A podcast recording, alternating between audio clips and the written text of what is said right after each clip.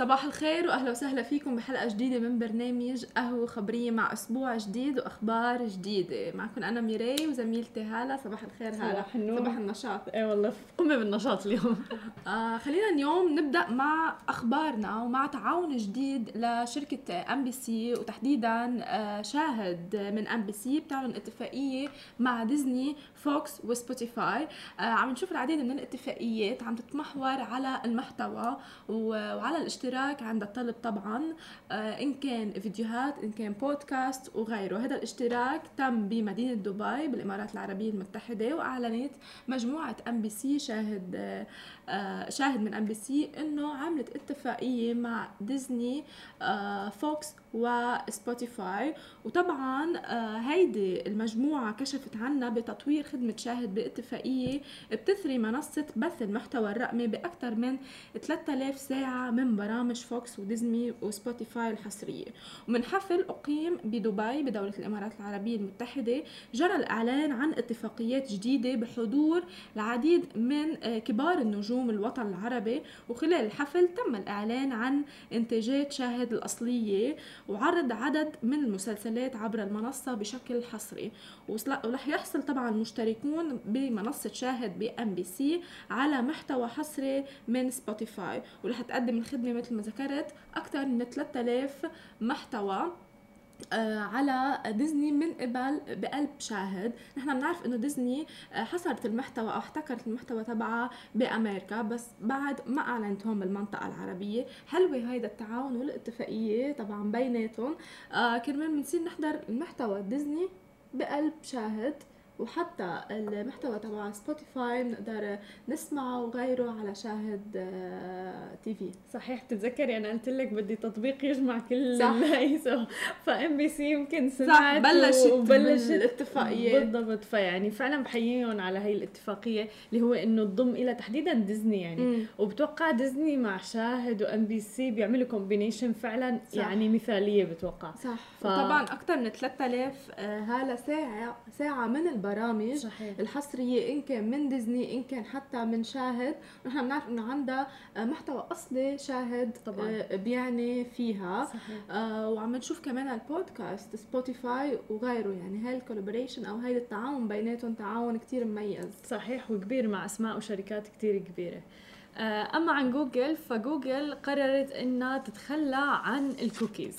آه، الكوكيز تبعون جوجل اللي ما بيعرفون هن فايلات وملفات بيتخزن فيها المعلومات تبعنا. يعني إذا فتوا على جوجل اليوم آه وعملتوا بحث ومثلا أنتم اللغة اللي بتحبوها هي اللغة العربية أو سواء كانت الإنجليزية هاي الفايلات بتحفظ كل الأمور والخصائص اللي أنتم بتفضلوها. هاي نوع من الكوكيز واحد وفي نوع تاني اللي هو third party cookies اللي هو بيبعث المعلومات للشركات الأخرى آه، مثلا آه، للإعلانات. والكوكيز هي أداة تتبع مربحة جدا جدا جدا للمعلنين. فهذا القرار اللي إجا من جوجل قرار آه، شوي آه، ربك الشركات اللي بتعتمد على الإعلانات وعلى المعلنين آه، لأنه رح يتم إزالتها من جوجل وقالت شركة جوجل بتدوينه أنه قيودها الجديدة لن تدخل حيز التنفيذ حتى تصبح البدائل التي تعتبرها جوجل أكثر حفاظا على الخصوصية قابلة للتطبيق على أرض الواقع. واقترحت مجموعة من التقنيات الجديدة اللي قد تكون أقل إزعاجا للأشخاص مما أصبحت عليه ملفات تعريف الارتباط واللي هي الكوكيز. وقامت شركة أبل سابقا واتخذت خطوة مماثلة بعام 2017 آه، مع متصفح سفاري الشهير والمعروف. ولكن المتعارف عليه طبعا إنه الحصة السوقية لمتصفح كروم. جوجل كروم أكبر بكتير من متصفح آه، سفاري مقارنة إذا بدنا نقارنهم ببعض. صح. فموضوع آه، جوجل والكوكيز آه، يعني شوي هيك عمل بلبلة بالموضوع لأنه الشركات كتير بتعتمد على هذا الموضوع مم. بالإعلانات. حلو. يعني إذا أنت فاتحة موقع مثلا وفي banner عليه إعلان آه بيحفظ حتى مثلا لما انت بال e-commerce مثلا مم. إذا فاتحة أي نوع من مواقع ال e-commerce. تماما. آه ليش بتنحفظ مثلا الأشياء اللي انت حطيتيها بال cart تبعك؟ صح. آه، بالسلة يمكن. بالضبط بالسلة تبعك. آه، وحتى لو رجعتي حتى لو سكرتي صح ورجعتي بضلها بسبب الكوكيز. حلو. آه، فموضوع يعني عندها فعاليات كتير ما بيعرفوها إلا التقنية يمكن والشركات اللي صحيح. بتتعامل آه، مع جوجل. صحيح. ف... ومشان هيك حتى انت وعم تشتري مثلا بال e-commerce أو بهي ال website ات تبع التسوق الإلكتروني بتاخذ المعلومات الشركات اللي معلنة اللي بدها تعمل إعلانات بتعمل لك إعلانات بتناسبك. بتناسب. آه بالضبط. ف... الإعلانات وال advertisement بشكل عام بيدرسوا شخصية واحتياجات الشخص والمستهلك كمان صحيح. من خلال هول التقنيات الموجودة على آه، جوجل وغيرها طبعا, طبعا. آه، أما بالنسبة لإستحواذ جديد لشركة ابل تعودنا عليها على استحواذات من قبل. شركات ناشئة بتعتمد على الذكاء الاصطناعي وغيره ليطوروا من كل أجهزتهم إن كان من التليفونات الكمبيوتر ال laptops أو حتى الساعات الذكية اللي آه، من شركة أبل. واستحواذ جديد من شركة أبل لشركة ناشئة بتعتمد على الذكاء الاصطناعي تحت اسم Xnor dot AI وطبعا من سلسلة عملياتها آه، أعلنت شركة أبل عن استحواذها على الشركة الناشئة بمجال الذكاء الاصطناعي واللي بيقع مقرها بسياتل الأمريكية بولاية سياتل بتتخصص Xnor dot AI على الذكاء الاصطناعي بتطوير أدوات وتقنيات بتتيح استخدامها على الأجهزة من هواتف ذكية وأجهزة قابلة للارتداء للقيام بمختلف المهام بالجهاز نفسه دون طبعا الحاجة لربط مع نظام آه، سحابي آخر أو كلاود. وبلغت قيمة الاستحواذ تقريبا 200 مليون دولار وفقا ما قالته آه، أبل بتقرير لها وطبعا آه، مع هذا الاستحواذ رح نشوف العديد من التقنيات وأدوات من الهواتف الآيفون وساعات الأبل وكمان أجهزة أخرى تحتوي على كاميرات ومدعمة بتقنيات الذكاء الاصطناعي لتتمكن من العمل مع المستخدمين بأي وقت آه إن كان. آه شفنا العديد من استحواذات شركة أبل بس اللافت للنظر إنه ما كتير عم ينحكى فيهم. أوكي أبل استحوذت على هيدي الشركة الناشئة إكس لتطوير عملياتها بالذكاء الاصطناعي وعم نشوف العديد من الشركات اللي عم بتم استحواذها من قبل أبل يعني تقريبا كل شهر في خبرية شركة أبل استحوذت على شركة ناشئة بتعتمد بالذات على الذكاء الاصطناعي أو ال AI بس اللافت هلا إنه ما عم نشوف يعني خلص بيحطوا هاي الخبرية بس ما عم نشوف تقارير يعني مم. من شركة ابل أو أبحاث عن هذا الموضوع. أو أبحاث أو قد إيه فادت هيدي الاستحواذ مم. أو فوت إيرادات أو على من منتوج أو نوعية مم. الاجهزه تبعت ابل هذا السؤال بيطرح يمكن نفسه هل هيدي الاستحواذات بس هيك شكليا أو يمكن اوقات عم بيعملوا marketing الشركات الكبيرة إنه مثلا استحوذنا على هاي الشركة بقيمة 200 مليون أو كم مليون دولار مم. ما عم نشوف أخبار أخبار عده ما عم نشوف تطورات يمكن حتى بالأجهزة. آه وما عم نشوف تقارير من أبل. بعتقد العالم اللي بتهتم بالتقنيات لازم يكون في تقارير من قبل أبل قد إيه فادتها هذا الاستحواذ. يمكن أبل دائما تركيزها على نفسها وال brand تبعها فبالتالي يعني دائما بتركز بنشوفها على المنتجات تبعها على كل هالأمور. صح بتستحوذ ولكن بالأخير يعني بنشوف فقط ال brand تبع ابل هي صح يمكن عليها الضوء. يمكن الاسم وكونه ابل لحالها هي شركة brand لحاله. آه يمكن كمان هيدي إحدى الأسباب إنه هي بدها تظهر لحالها مش إنه نحن استحوذنا عليها فهي أضافت هالقد وهالقد للشركه آه بشكل عام. آه طبعا هلأ خلينا نروح break وبعدين بعد break في عنا guest رجعنا لكم من جديد ومعنا ضيف جدا مميز بالاستوديو أستاذ إبراهيم مدير العام لدبي Smart City Accelerator أهلا وسهلا فيك. مرحبا أهلا كيف حالكم؟ مرحبا صباح الخير. صباح الخير. أه حابين نحكي معك ونبدأ عن مشوار ريادة الأعمال كيف ببلش؟ أه هل هي الفكرة الواحد مثلا لما بيشوف فكرة فيه عن جد يطبقها على أرض الواقع ويبدأ في مشروعه من خلال خبرتك؟ أه أكيد 100% يعني أنا صار لي 15 سنة ب آه، بالشرق الأوسط بين آه، الإمارات السعودية والأردن. و آه، بديت أربع خمس شركات وطبعا في شركات ما كملت معها. بس في شركات طبعا نجحت الحمد لله. و أكيد يعني أنا بشجع كل حدا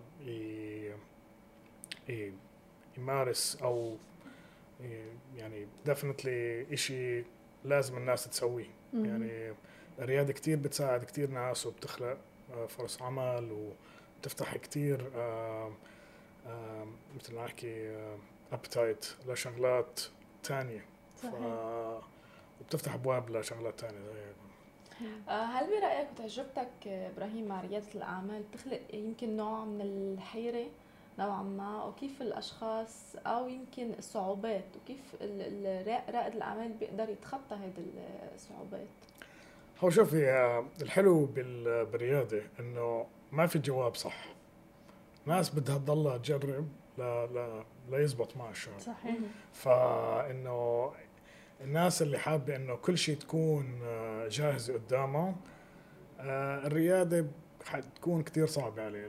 أو عليها لأنه آه، عن جد يعني كتير أفكار حتى الشغلات اللي أنا اشتغلت فيها أو بديتها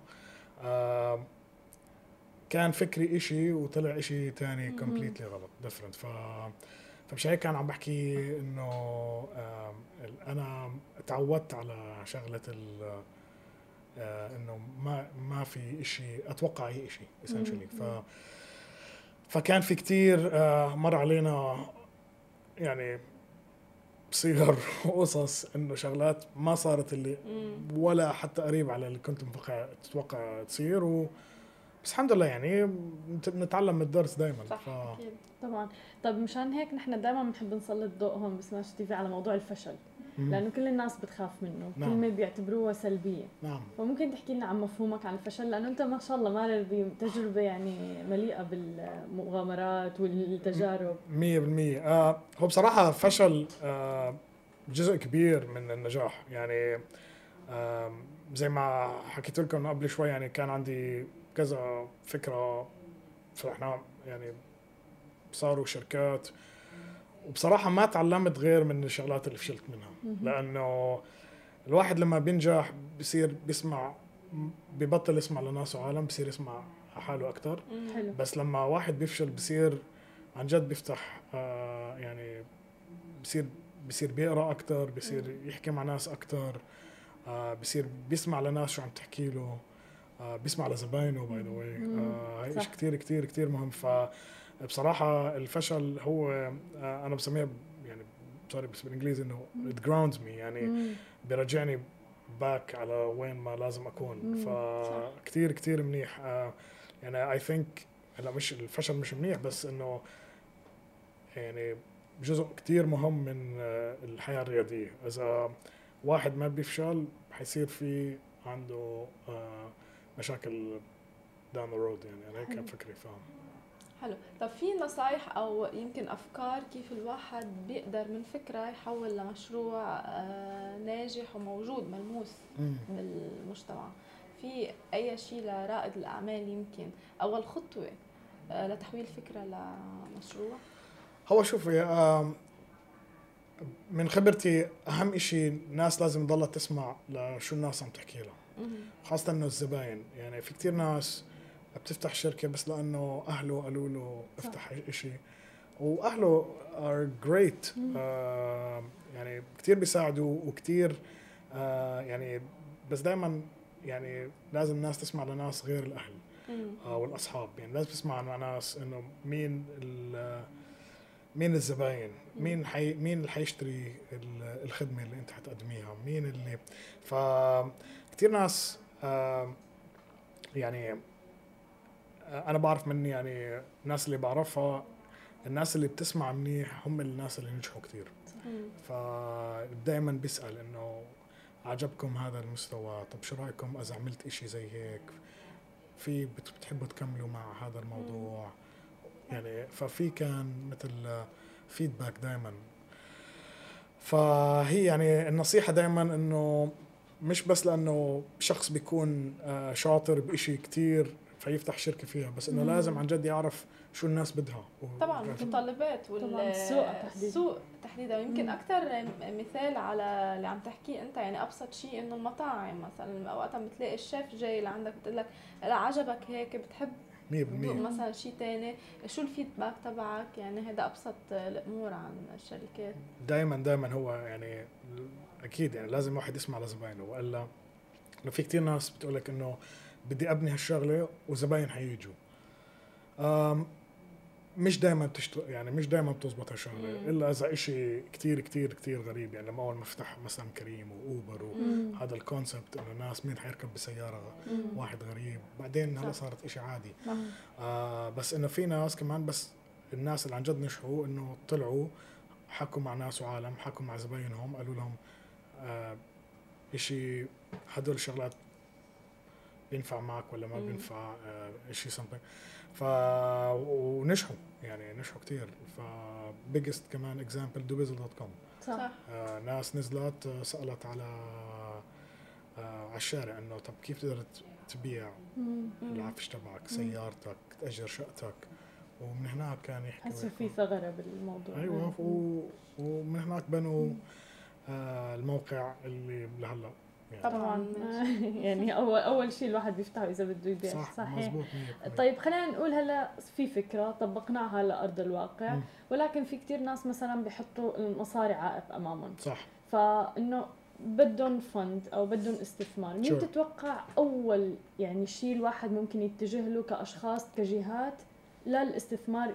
خلينا نقول بالمرحله الأولى. هلا آه، هلا في كتير شغلات آه على آه يعني في خطوة صغيرة قبل الاستثمار مم. هو إنه لازم يشتركوا بشيء اسمه انكيبيتر أو حاضن حلو آه اللي هناك يعني بيساعدوا الريادي مع آه، ب يعني تمكين الفكرة مهم. آه وبعد التمكين الفكرة ببين معه قد إيه ببين مع الشخص قد إيه لازم مثلا آه مين لازم يوظف كم آه، قد إيه بده مصاري ل يعني عشان يفتح الشركة آه وبعدين شغلات زي إنه كيف يوصل لزباينه وهيك من هناك في بعد الحاضن ويجي هذا ال- السكتر حوالي ست اشهر لسنة. مم. بعدين لما يصير عنده ثلاث أربع آه، زباين الشخص آه، في شيء تاني اسمه ال accelerator ال accelerator أو المسرع. مسرع. آه، المسرع هو يعني جزء كتير كبير من آه، الشركات آه، يعني الريادية أو خاصة نمو الشركات الريادية لأنه آه، مثل بيعطي آه، أكسجين آه، مش بس بانه بحط آه، مصاري بالشركة بس لأ كمان آه، بيعطي شوية shortcuts. بيعلم ال- الريادي شغلات اللي ما كان يعني يعرف فيها. مثلا آه كثير رياديين آه ما بيكون عندهم أي علاقة بشغلات قانونية صحيح. شغلات مالية. صح. بيكون آه، كونتراكتس هاي الأمور العقود. وهدول يعني آه يعني ما هو الأساس. يعني هم هم هم, هم الأساس صح. بس الريادي اللي بيكون مثلا شاطر بشيء معين. ما بيكون فكره بيقول لك إنه. أنا بجيب لي محاسب بجيب لي محاسب بس عالم بسبب هاي الأمور أنا بقول لك من شخصية أنا صار في تجربة صار في فالناس دائما بتنسى شغلات قانونية. شغلات آه، مالية ايمات آه، شغلات quality assurance شغلات آه، آه، زي ما حكينا تدريب موارد بشرية آه، بوظف ناس لأنه يعني كانوا يشتغلوا بشركة فكروا إنه بيقدروا يساعدوه. أو يعني كثير شغلات زي هيك. ف فالمسرع آه، ال accelerator makes يعني بخلي كل هذا الشغلات آه، أو بيفتح عيون على للريادي لكل هيك شغلات وبصير يسأل أسئلة أحسن. or بيقدر يسوي آه، آه، بصير يعمل مثل assessment مم. عشان يعرف كيف آه، يوظف أحسن يعرف من وين يجيب آه، آه، fund آه، يعرف يحكي مع محامي يعني لأنه مثلا يعني أنا بقول لك يعني أصعب شيء كان لنا نحكي مع محامي لأنه ما كنت أفهم عليهم صح. يعني انه بيكون قصص قانونيه وهيك مش ضروري آه. كل واحد يكون ملم فيها آه أصلا يعني آه ويعني يعني بنشوفها كثير بالرياديين إنه ما بيكون عندهم آه آه ال attention لل detail. وطبعا لما نفوت بشغلات محاماة و و finance مم. هدول شغلتين لازم واحد يكون يعني يعني. أدق التفاصيل أدق التفاصيل مزبوط 100% غلطه يعني عن جد غلطة بكارثة. ف. ف فال accelerator كثير المسرع كثير بيساعد بهيك شغلات. زائد بي- بيعلم آه، يعني مبيعات آه، بيعطي كورس برامج ب مثلا غير غير يعني شيء اسمه growth hacking حلو. يعني كل الاختصارات آه كيف مثلا يعني في بيجينا كثير شركات مثلا بال accelerator من برا يعني مثلا شركات من تركيا شركات حتى من لبنان من حلو. الاردن من فلسطين من مصر. مع إنه لسه وطن عربي بس آه لواحد يعمل business بال بالإمارات لازم شوي localize يعني لازم يكون كتير كتير آه قريب على إنه يفهم شو الناس بدها بهالبلد. ف كيف يعني كمان عندنا شركات إحنا من أوروبا ومن أمريكا ومن أستراليا.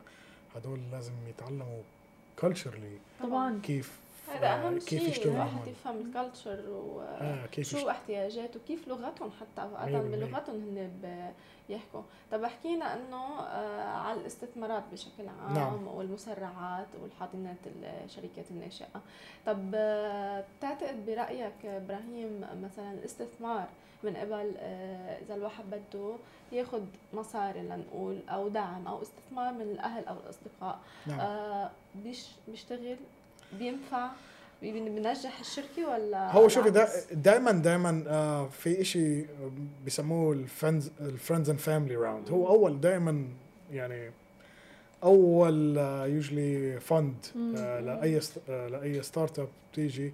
بالعادة يا شخصية من مع شوية savings آه أو من العائلة you لحدا بقول له خذ المبلغ الصغير ابدأ وشوف. صح. آه وهم آه هذا الفند بيكون يعني هلا كثير ناس بتستعمله بس عشان يساعدوا حدا عشان إنه بيعرفوا إنه بدهم بس خليه خليه يشوف شو بيقدر يطلع معه. إيه، يطلع معه. عرفت علي؟ آه بس آه كثير منهم نجحوا لأنه بيكون عنده خطة. هي اجان يعني فحتى إنه الناس اللي آه، بتروح عند العيلة وبتسأل طب أعطوني شوية مصاري وهيك. آه صارت حتى العيال هلأ إنه طب ورجينا صح. آه خطة أو ورجينا شو بدك تسوي ورجينا بروتوتايب إنه بدنا نعرف إيش شو نسوي.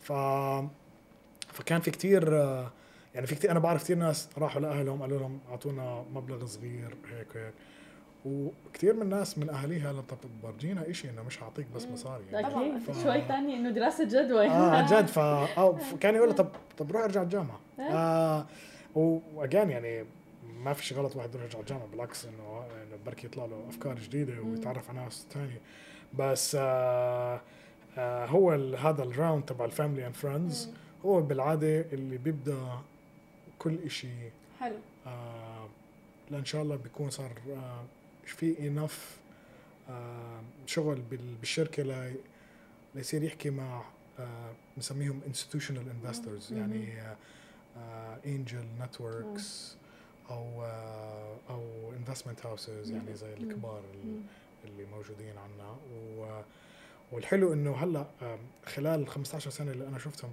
يعني أنا لما بدينا ما كان في شيء اسمه institution investment إذا بدك institution بدك تروح على البنك صح. بدك ترهني شيء ولا يعطوكي مبلغ وحيكون قرض. اما هلا ناس آه مع كل هدول ال VCs آه آه كان عم كنت عم بقرأ محل إنه من خمس سنين كان في يعني بنعدوا على الإيد ال VCs ال institutional investors وهلا صار في فوق ال 50 واحد. صح. فيعني ف آه هذا الدليل على شو؟ هذا الدليل إنه ال ecosystem عندنا الريادة is actually moving forward اللي عم تتحرك بال exactly باتجاه صحيح وعم تكبر لأنه صار في لها يعني صار ناس تطلبها. صح. okay؟ لأنه بطلت الناس آه، تدور على الشركات الصغيرة. بالعكس الناس صارت بدها يعني تستولي على المنطقة. مم. كيف نحكي؟ لما لما يفتحوا آه فصار في يعني appetite كبير ل للرياده بالمنطقة. زائد لأنه كل العالم يعني عم عم بيتحدث فهاي المنطقة آه ال Middle East كلها آه، عم عم تتوجه بهي بهي الطريقة أصلا. ف حلو. فكان يعني ف هاي علامة كبيرة إنه كل ما عم بتزيد ال funds عم. يزيدوا بال- بالمنطقة إنه ال ecosystem عم بيكبر وعم. وعم, وعم عم بيكبر صح طب إذا بدك تحكي لنا أكثر عن Startupbootcamp شو بتعملوا هلأ ستارت اب بوت كامب بدأت من ثلاث سنين.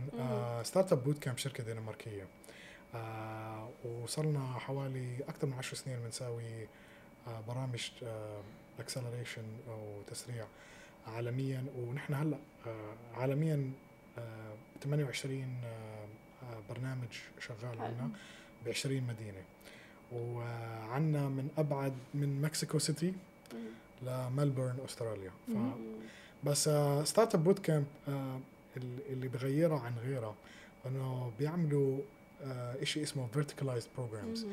يعني بنركز على إشي معين وبنسوي فيه يعني ما بنسوي accelerator بس لأنه في كم شركة حاطين عيننا عليهم مم. بس لأنه مثلا إحنا بدبي عندنا مشروعين عندنا دبي smart city. آه، أي إشي اللي بيخلي للمدينة آه، آه، تمشي أسرع مم. uh, أذكى uh, happiness is uh, يعني uh, very يعني كتير كتير مهمة بال smart city. وفي عنا برنامج uh, مم، طبعاً. كمان مم. Uh, بس نحن عنا يعني مثلا كل مدينة عنا بنسوي إشي غير. يعني مثلا بإيطاليا عنا بنسوي food tech. شغلات أكل و food كيف تشبه كمان ال city بحد ذاتها؟ يعني خلص smart city دبي.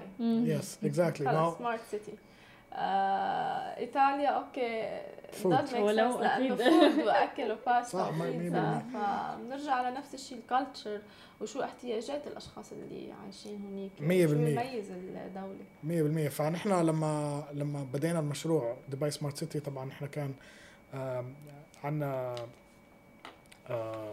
partners بهذا البرنامج طبعا حكومة دبي طبعاً. آه، دبي آه، Smart دبي. آه، آه، دبي Silicon Oasis Authority حتى آه، غرفة تجارة دبي دبي Chamber Yeah. كان عندهم هاي الرؤية إنه لازم آه، دبي تكون من أحسن وأذكى ومدن بالعالم. ف فهذا الاكسلريتر يعني made a lot of sense يعني for them. فمشان هيك فنحن صرنا ثلاث سنين آه، شغالين بهذا المسرع. خرجنا 30 شركة لهلا كل سنة بنخرج 10 حلو. شركات وهلا حنبدأ البرنامج الرابع اللي حيبدأ الأسبوع الجاي actually. و... وآخر آم، عشر شركات وهلا العشر شركات اللي فاتوا ركزنا أكثر على المنطقة آه ركزنا على أكثر startups من الإمارات نفسهم ومن المنطقة لأنه آه لقينا إنه الاتجاه تبع startups آه حابين يجوا على دبي أكثر من شركة مثلا من أوروبا تيجي على. دبي لأن لسه يعني ليفهموا كيف الوطن العربي وكيف دبي بتشتغل بتاخذهم ثلاث أربع أشهر مم. البرنامج ثلاث أشهر أصلا حلو فيعني فإنه بنلخص كثير. وهذا وطبعا يعني لما بنروح على مصر ولا بنروح على الأردن ولا حتى بنروح على السعودية الناس آه بالعادة بتكون جاية على دبي قبل مرة صحيح. فما عندهم إيه. فما عندهم هال مشاكل يعني يتعاملوا مع الناس. يحكوا مع زباين يفتحوا أبواب. آه فركزنا على هاي المنطقة وكانت. كثير كثير آه آه أنا أنا يعني بنشوف إنه حركة كانت إيجابية جدا. ف حلو. يعني السوق طالع دائما بهول الشركات الناشئة أو البزنس ب مية بالمية بالرأي يعني. بشكل إحنا يعني قدموا على البرنامج عنا آخر آه، برنامج 1300 شركة عالميا. 40% من كانت من الإمارات واو. فيعني قد إيه. فلما بنجاوب قد إيه نضج آه، السوق. الإماراتي. تبع ال startups فبنقول لك إنه لا بصراحة صار ناضج منيح. ف آه، والباقي يعني كمان اجى حوالي 80 70% منه كان اجى من المنطقة من مصر. الأردن لبنان آه، السعودية والبحرين فكان كتير آه، إشي بصراحة بشرف طبعاً. طبعاً، فعلاً. إنه أحسن ما نشوف هذا أكيد طيب آه، من خبرتك وعم تحكي يعني أنت عم تحكي كثير عم بيشاركوا مثلا startups آه، شو أكثر نوع startup مطلوب هلأ بالسوق هلأ بصراحة يعني هي كلمة ما بحب أستعملها بس. إنه في كثير شغلات موضة عرفت عليّ؟ ف إيه، شو الترند هلأ آه ف هلأ هلأ من سنتين آه sorry من خمس سنين كانت ال marketplace. مم. أي شيء marketplace كان كتير كتير كتير آه له طلب. له طلب عليه طلب عالي. وهلأ بس آه ال marketplace أثبت حاله إنه business ما حيروح محل تاني يعني مم. إنه قاعد. آه بعدين اجى ال e-commerce صح. آه من سنتين. هلأ اللي مطلوب كتير آه شغلتين هم البرامج تبعنا. مم. ال smart city أي شيء حكومة بيعتمد كمان ريليتد اي اي أي شيء بيعتمد اي اي بلوك تشين.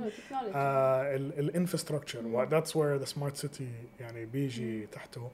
فالبلوك تشين وال AI ال IoT. ال devices. يعني. ال hardware businesses صحيح. mobility mobility كثير كثير كثير يعني كثير ساعد المدن. يعني. بتعرف آه وال fintech طبعا ال fintech. ال fintech كنتك هدول. لسه قائم مم. فعلا ال fintech لأنه كل العالم عم تستنى على آه، شركة إنه يعني نشوف بدنا نشوف شو البنوك بدها تسوي صح فعم بيستنوا على ال fintech شو شو مم. يسووا بس آه، آه، فمشان هيك إحنا برامجنا ونحن actually البرنامج تبعنا تبع دبي smart city ال verticals تبعونا هم sustainability mobility blockchain AI شغلات اللي اللي هلا اللي مطلوبة كثير. ف فهذا هو اللي نحن عم نركز فيه هلا حلو يعني هذا أصلا اللي عم يطلب بالسوق مم. يعني والعالم اللي عم تتداوله 100% آه، بشكل عام فكتير ع- عم يجينا ولهلا بيجينا آه، شغلات آه، يعني technology خاصة بال AI. يعني عن جد آه، فظيعة مم. يعني أنا حابب يا ريت نقدر ناخذ شركات أكثر بس ما عم نقدر يعني لأنه. عنا بس بنقدر البرنامج بيقدر ياخذ 10 11 مم. شركة آه، maximum آه، تمام آه، لأنه في آه، تجهيزه ونجيب الناس آه، المدربين. ونحن بنعمل يعني آه، آه، آه، بنوصل كل شركة اللي بنجيبها مع آه، شريك على الأرض هون. حلو يعني كله من اي إيه ففي كتير كتير شغل. فيه عليه هذا. thank you so much إبراهيم. أهلا أهلا. it was my pleasure. شكراً. شكرا لك. thank you آه بعد ال break آه رح نرجع مع أخبارنا ليوم الأحد. من قبل كم يوم تم اكتشاف ولكن كان اكتشاف شوي غريب من نوعه وهو اكتشاف كوكب. بعد ثلاث أيام من تدريب طالب أمريكي عمره 17 سنة اكتشف كوكب. كان عم يتدرب بناسا وقال إنه هو آه، شاف شيء آه، بعد ثلاث أيام من التحاقه بناسا شاف إشارة من النظام اللي بيطلق عليه اسم توي 1338 وبالبداية كان معتقد إنه هو كسوف نجمه ولكن التوقيت كان خاطئ ولكن اتضح له إنه هذا كوكب جديد. الكوكب الجديد بدور آه ويطلق عليه اسم توي 1338 حول نجمين وليس نجم واحد مثل الأرض. آه واكتشف آه الكوكب الجديد واللي هو بيمثل 6.9 ضعف حجم الأرض ويبعد عنا 1300 سنة ضوئية. وقالت ناسا إنه هذا الكوكب بدور حول النجمين مرة كل 95 يوم. آه، حيث أن أحد النجمين أكبر من شمسنا بحوالي 10% واللي هي نسبة عالية جدا. طبعا. آه، بينما يعتبر النجم الآخر من النجوم القزمة أي أنه أبرد أخف وزنا وبيمثل ثلث كتلة شمسنا فقط. يعني آه، طفل طالب عمره 17 سنة يكتشف كوكب جديد يعني. أول شيء إنه بتوقع أصلا إنه ليوصل لمرحلة إنه يتدرب بناسا هي خطوة جدا ممتازة طبعاً. بعدين إنه خلال ثلاث أيام بتدريبه بناسا يكتشف كوكب جديد فيعني أنا بتوقع إنه ناسا ما لازم تفرط فيه لهذا الطالب وما حتفرط إيه، فيه. أكيد لهذا الطالب ذكي و... وأثبت وجوده قبل ما يفوت يعني بس صحيح. بالتدريب حدا يكتشف آه، آه، كوكب بشكل عام و... وكان حقيقي يعني مع أرقام طبعاً. قد إيه الكبر تبعه وكل هيدا الخبريات فإنجاز. وبتوقع ما عاد في شيء مستحيل يعني. صح. عم نسمع باكتشافات وإنجازات كتير غريبة. فبت- خاصة لناسا. تماما. آه، فالواحد يعني ما لازم يستغرب شيء ابدا. صح. وبعدنا بخبريات يمكن الكواكب بس هلأ بعيدا عن الكوكب بس الأرض مطرح ما نحن طبعا عايشين. آه، أثبتت دراسات إنه سنة 2019 كانت من أكثر السنين تقريبا أو ثاني سنة سخونة حول العالم ونحن شهدنا العديد من الحرائق الحرائق اللي صارت بالعديد من الدول إن كان أستراليا غابات الأمازون آه، لبنان بالمنطقة العربية وكل هول الدول اللي شبت فيها حرائق كتير كبيرة آه، أسفرت عن آه، طبعا وقوع العديد من الأشجار حتى الضحايا والحيوانات وأظهرت بيانات العلماء الأوروبية بخدمة التغير المناخي بكوبرينوكوس إنه العام الماضي كان رسميا السنة الثانية الأكثر سخونة على الإطلاق وإنه 2019 كانت الأكثر دفئا بأوروبا واللي عانت العديد من المناطق من موجات الحر والجفاف. وبتأكد البيانات أسوأ التوقعات السابقة لنهاية العام الماضي إنه افترضت إنه يكون عام 2019 آه، الثاني أو الثالث من الحرارة على الإطلاق من كل السنين اللي مضيت. وفقا لما ذكرته صحيفة طبعا آه، صحيفة بريطانية كشفت البيانات الجديدة إنه متوسط درجة الحرارة بجميع أنحاء العالم كان أقل بمقدار 0.4 درجة مئوية عن عام 2016 وهو العام الأكثر حرارة على الإطلاق. وكان هذا السبب طبعا آه، ظاهرة ظاهرة آه، نيون اللي ظهرت مرة أخرى طبعا مع درجات الحرارة الكتير عالية اللي شهدتها كل الدول بشكل عام. آه، طبعا هذا بيعود للتغير المناخي آه، اللي العالم كلها عم تشهده وعم تاخده شوي هلأ بعين الاعتبار. آه، عم بتحسوا لما العالم حست الحرايق وقد قد إيه أثرت بكل الغابات. وكانت غابات الأمازون يعني حرام المشهد كان كتير مؤذي وراح العديد من الأشجار وغيرها. طبعا هذا أسباب تغير مناخي. العالم كانت متوقعة تكون بس مش هالقد 2019 بالحرارة. ببعض البلدان هلا بلدان أصلا ما بتجيها كتير شو بس 2019 كانت الحرارة عليها كتير عالية. من أمتى سمعنا بحرائق بلبنان أو صح. بسوريا بصراحة بهالموضوع هذا يعني؟ ف... فكانت الحرارة مش طبيعية. العالم مش متوقعة هالقد يعني آه، تكون الحرارة ومعروفين بلبنان وسوريا مش هالقد في شوب آه يعني بال... لدرجة إنه يصير في يعني آه حرايق وصار في حرايق. هلا أستراليا متعودين يكون في درجة الحرارة صح. عندها عالية آه خلال فصل الصيف كمان بس كمان مش بس هالقد يعني. وأمازون طبعا آه اللي صار فيها الحرائق الفظيعة فكله هذا بيعود للتغير المناخي وللدراسات اللي اثبتت إنه هي السنة الثانية أو الثالثة بكل السنين اللي مرقت آه، بتشهد العالم هالقد ارتفاع حرارة. صحيح. آه، بتوقع هلأ آه، نشوف التوقعات تبع 2020 بهذا الموضوع ونساهم نحن لأنه لنا دور بهذا الموضوع. بموضوع بالضبط بالاستدامة بموضوع زراعة الأشجار حتى الحكومات يعني عن جد خلص إنه لازم يتخذ هذا الموضوع بعين الاعتبار بجدية يعني فائقة. بزراعة الأشجار هلا شفنا العديد من المبادرات اللي تمت مثل drones مثل صحيح. شركات كثير كبيرة خاصة بالمنطقة العربية وبمدينة دبي إنه يزرعوا آه مدري كم ألف آه صحيح. شجرة من خلال ال drones, ال drones. فكمان مبادرة كتير حلوة بنعرف إنه فائدة الأشجار وبتنقية الهواء وبالتالي طبعا بتقل من الحرايق صحيح هلأ خلينا ننتقل معكم ل آه، افتتاح فندق ولكن فندق كمان غريب من نوعه شوي. هو فندق جبنة بلندن واللي هو الأول من نوعه في العالم. سلسلة كافيه روج قررت واللي اتخذت من المملكة المتحدة اليوكي مقر إلى أنها تفتتح فندق وجناح فندقي غريب ويعتبر الأول من نوعه في العالم وهو فندق وجناح الجبنة. الديكورات الأثاث المفروشات حتى الصابون موجود على شكل جبنة. فيعني هذا الخبر لعشاق الجبنة. آه ولكن آه الافتتاح راح يكون فقط من 29 يناير هذا الشهر وحتى 6 فبراير.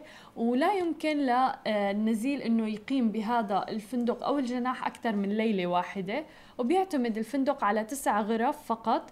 وتحديدا على الخدمة الذاتية.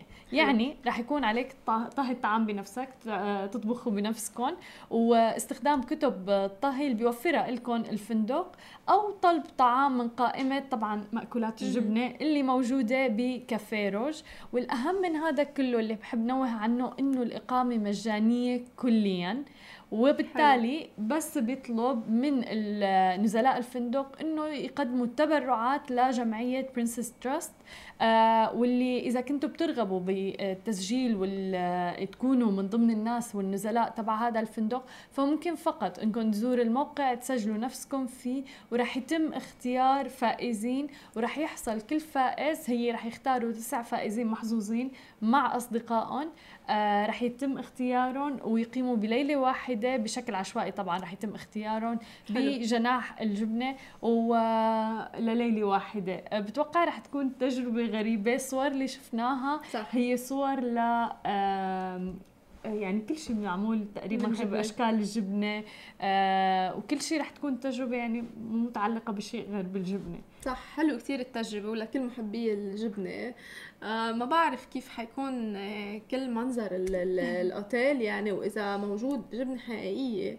ف... آه أكيد. ما هو لأنه الكافيه روج هو أصلا يعني مشهور بال بالمأكولات وتحديدا بموضوع الجبنة يعني في فبالتالي يعني كل شيء بده يكون معمول من حلو المبادرة يعني لعشاق الجبنة بنطلب هيك كمان أوتيل يكون موجود بمدينة دبي. فالأوائل نحن وهالة بنكون متجهين له أكيد. آه من فندق الجبنة طبعا لننتقل لعالم التقنيات اللي آه، بتشهده أبل خبريات أبل طبعا. وأبل كشفت عن أرباح آه، مطوري التطبيقات لسنة 2019 مع نهاية 2019 وبداية 2020 وأصبحت شركة أبل بالسنوات القليلة الماضية طبعا بتهتم أكثر بقطاع الخدمات اللي أصبحت آه، إيراداته بتتضاعف وبتشكل نسبة أكبر من إجمالي إيرادات الشركة. واليوم كشفت شركة أبل عن أرقام قياسية حققها متجر التطبيقات بفترة الميلاد ورأس السنة. وطبعا مع بلوغ عدد مستخدمين خدمة الأرقام رقما مميزا. وكانت السنة الماضية مميزة آه، جدا طبعا آه، لدى خدمات أبل وشهدت إطلاق خدمات الألعاب والأخبار والتلفاز وحتى بطاقة الائتمان. ومن تأسسها طبعا متجر تطبيقات أبل وحتى اليوم بلغت أرباح المطورين بتقريبا 155 آه، مليار دولار. وبسنة 2019 وحدة فقد دفعت أبل لهم تقريبا 38.7 75 مليار دولار. وكانت السنة الماضية مميزة لدى خدمات أبل آه، بشكل عام وشهدنا إطلاق خدمات الألعاب وغيرها. ومثل ما ذكرت منذ تأسيس كل شيء بيتعلق بتطبيقات متجر أبل كل الإيرادات لشركة أبل عم ترتفع مع كل المطورين اللي عم بحطوا الألعاب وغيرها بقلب متاجر آه، أبل. قد إيه في عالم أصلا بتستخدم آه تليفونات آيفون. صحيح. وفي متجر أبل وبتعمل download لكل هالقصص اللي هي يمكن موجودة بس بأبل اوقاتا آه مش موجودة بأندرويد وغيره. طبعا كثير ناس وتحديدا يعني أبل كل الناس اللي عنده منتجات أبل بتشوفي إنه دائما عنده اللابتوب مثلا مم. من أبل بتشوفي عنده الموبايل كل شيء حتى الإكسسوارات صار عندهم هوس فيها صح. يعني من أبل.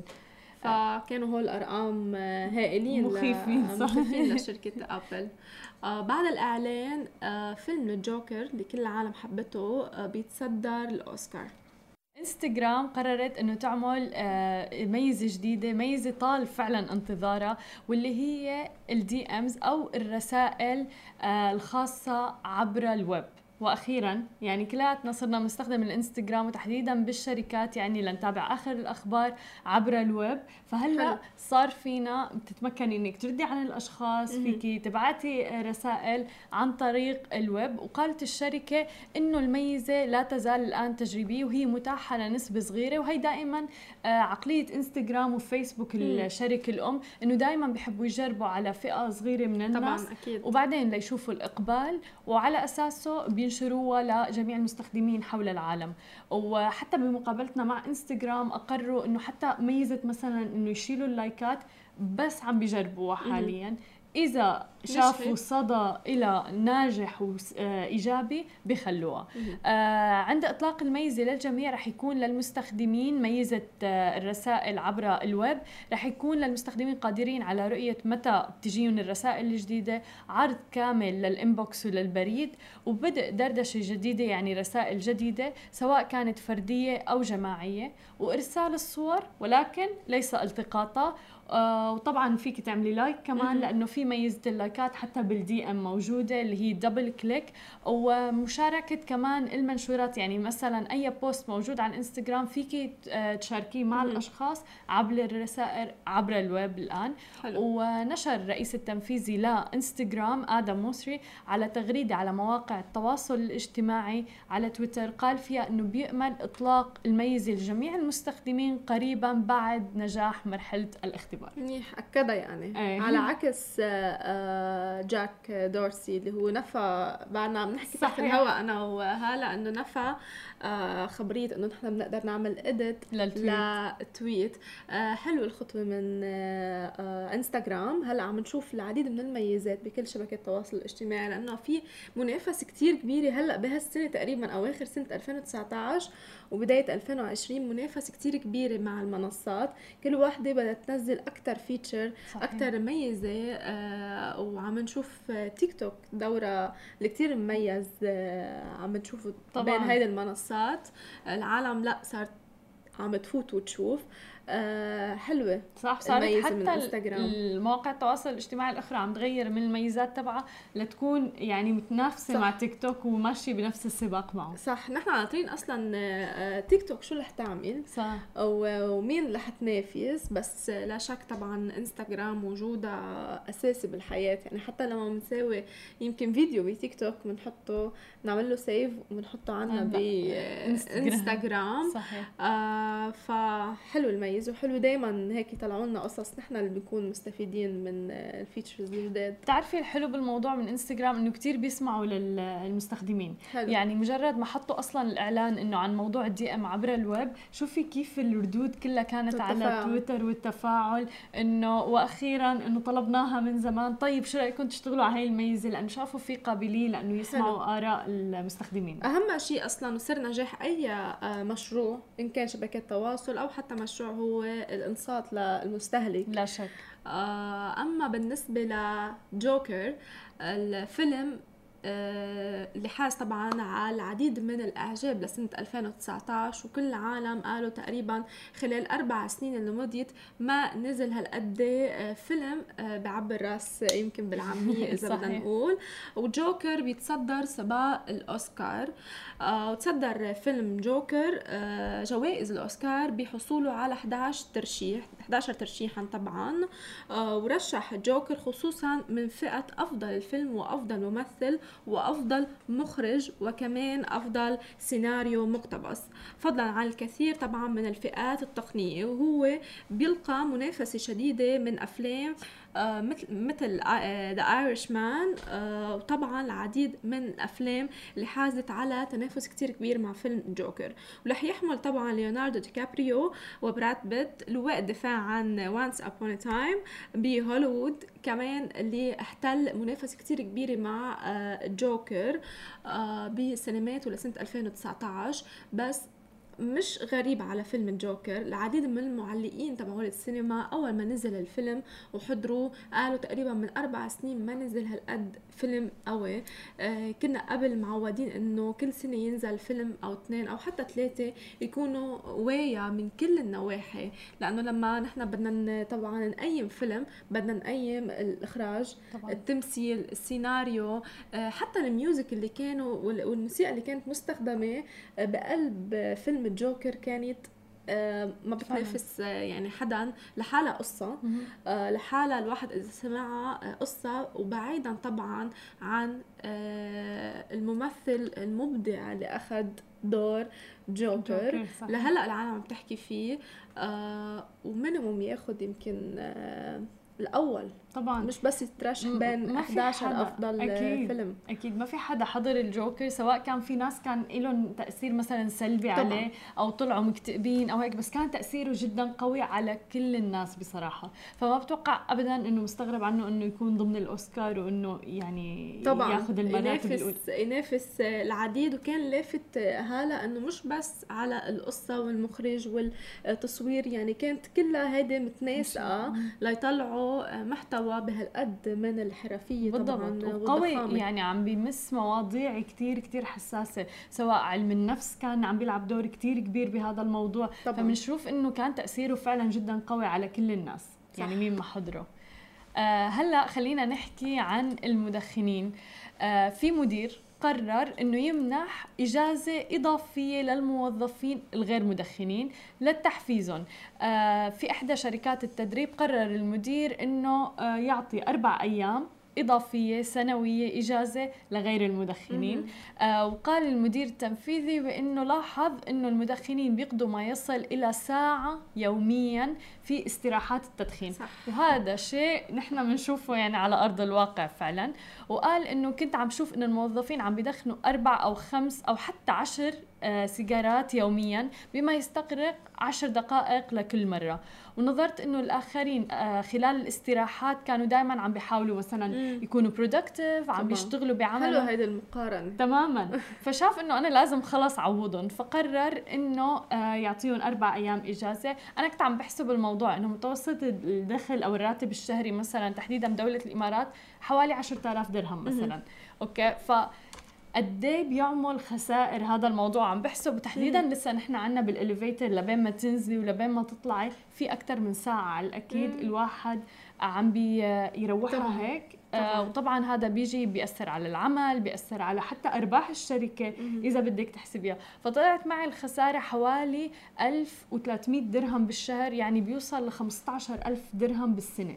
هاد خسارة بس من بريكات التدخين. يعني أنا بحس كمان لازم هون يعملوا عوضا للي ما بيدخنوا بينزلوا break تدخين. مكافأة. لهم مادية نقدية مادية فعوضا عن الخسارة. إنه تيجي تقولي لمدخن وقف حيقول لك لا بوقف شغل وبوقف إيه. دخان يعني. بس ولكن تأكيدا على حكيك آه في ناس إجوا قالوا له رح نوقف تدخين إذا بدك تعطينا أربع أيام إجازة. فقرر إنه يشوفون إذا أقلعوا عن التدخين لمدة 12 شهر يعني يعني السنة رح يعطيهم هي الإجازات. فشفنا ومن وين اجته الفكرة؟ أنا هذا كمان اللي لفت لي نظري بالموضوع إنه من وين اجته الفكرة إنه يعمل أربع أيام إجازة مثلا؟ فشاف إنه شافها هي الفكرة على وسائل التواصل الاجتماعي كثير إنه ناس كانت عم تحكي يا ريت لو يعطونا في يعني الناس عم تشكي موظفين آخرين صح. عم يشكوا. فقال هو إنه ليش ما أنا طبقها على أرض الواقع؟ لسه ما حدا طبقها على صح. أرض الواقع. وشوف كيف صداها بيكون. صح. لا صداها أكيد رح يكون إيجابي جدا بس بحس صدى أقوى. إذا شو بيعملوا هن مثلا؟ عم, عم يسمعوني طبعا كل اللي آه صاحبين الشركات. إذا بيعملوا أربع أيام آه شغل آه عوضا عن خمس أيام يعني الواحد بيعطل جمعه سبت أحد. من هلأ بقول ما حدا حيدخن فأكيد بس هي هون هيك معناتها رح يدخنوا بالأيام اللي هن مو معطلين يدخنوا ما له معنى فهي الفكرة صحتهم يعني. هيك إذا هيك روحي على فنلندا اوريدي هلأ إيه مقررين إنه أقل أيام عمل 2020 أو بداية 2020 قرروا إنه أربع ساعات أربع أيام بالأسبوع وست ساعات. إيه، يعني, يعني مدللين مدللين. فعلا. فكان الخبر طريف كتير حلو آه وتحفيزي صدقا سواء كان على الصعيد الصحي أو على الصعيد صح. العملي وصعيد الأرباح يعني. هلأ خلينا نروح break وبنرجع مع آه ضيفنا المعتاد أكرم قانصو. رجعنا لكم طبعا من جديد بقهوة خبرية ومعنا آه ضيف الدائم كل يوم الأحد أحمد. أكرم. أكرم.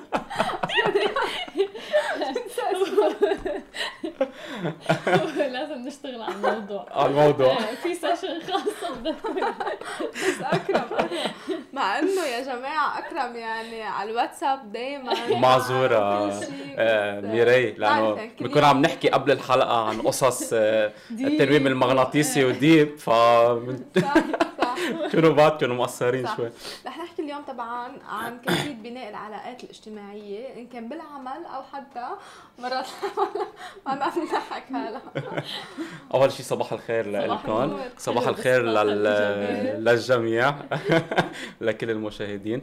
آه، اليوم حنحكي عن موضوع كثير مهم اللي هو العلاقات بشكل عام. آه، وفن الاتصال. آه لأنه الاتصال والتواصل مع اخرين مع الآخرين له طريقته الخاصة.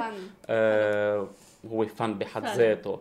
آه، فكرمال هيك بتشوفي كتير أشخاص عندهم سهولة الاتصال والتواصل مع الآخرين. سو بيبنوا علاقات جدا مميزة. آه هيدي العلاقات بتوصلهم لنجاحات كتيرة بالحياة. كان على الصعيد الشخصي أما الصعيد ال- المهني والعملي بشكل عام. فإذا بدنا نجي نحكي عن ال- الفن الاتصال آه يعني علم مثل ما خبرتكم أول شيء حخبركم عنه هو الرابور أنا تحت الهوا خبرتكم حخبركم عن شيء كتير منا مميز. منا بس نصايح يعني معتادة. آه، حنروح على النصايح ال- البسيطة يعني اللي بنعرفها بس نحن حنحكي عن شيء جدا مميز. ممكن هيدا تطبقوه بحياتكم ال- اليومية. آه، وهيدا الشيء بيفيدكم جدا جدا. محمسين okay. في شيء اسمه بالعلم ال coaching أما بالعلم ال NLP خاصه بال اسمه rapport الرابور آه، هي كيف ممكن تعملي تواصل مع الشخص اللي عم بتشوفيه يمكن لأول مرة وتخلي هيدا التواصل يصير تواصل حقيقي وتؤدي لعلاقة آه، ناجحة وتخلي. هيدا الشخص اللي عم بتتقابلي معه آه، يتقبلك آه، ويسمع لك. آه، لأن في كتير أشخاص بتعرفي ممكن ترفضنا ممكن ما يكون في هالاتصال ال- المباشر معهم أما ما يسمحوا لنا بالتواصل معهم. فهيدي ال- ال- اللغة أما هيدي الفن هي آه، فن جدا مميز. فالرابور آه، مثل ما بنعرف نحن بالعلم أما بكل الدراسات خاصه بهذا المجال ال- بالرابور في عنا مقسمة لغة الاتصال لكذا نسبة بالإتصال مع الآخرين. فإذا بنيجي بنحكي عن الكلمات يعني أنا عم بيجي بحدثك أول شيء بتسمعي مني شو؟ كلمات. طب هيدي الكلمات الواقعة على لغة التواصل والعلاقات. قد إيه بتحطوا لها نسبه تقديريه فكروا فيها. لا لا كنسبة عالمية. يعني إذا أنا مثلا عم تتصلي مع أول واحد مع لأول مرة مع شخص عم تتحدثي معي عم تتعرفي علي قد إيه نسبة الكلمات اللي بحكيها 10% ممكن 10% okay. هلا قد إيه بتحطي برسنتج إذا اول أول مرة بشوفه للشخص يعني. يعني قد إيه بتتأثري بالكلمات؟ إنه بتحسي إنه الكلمات لها ال- الوقع ال- الكبير على التواصل. إلى وقع الكبير ولكن بحس الطريقة أو الأسلوب أو ال tone اللي إيه. انحكى فيها إلى نسبة أكبر. مزبوط. بس قد إيه بتحطي لها نسبة الكلمات تقريبا؟ يعني يمكن إيه 10 ع- 10% آه، تمام. okay. هلأ فهي ال- الكلمات آه، بال percentage أما بالنسب هي 7% حلو. من التواصل مع. الآخرين فقط 7% يعني ممكن تشوفي شخص لأول مرة آه، تحكي معه مثلا صباح الخير كيفك. شو شو أخبارك؟ شو بتعمل؟ شو كذا. فالكلمات اللي عم تحكيها ما لها الوقع الكبير. آه، يبني build أما to to.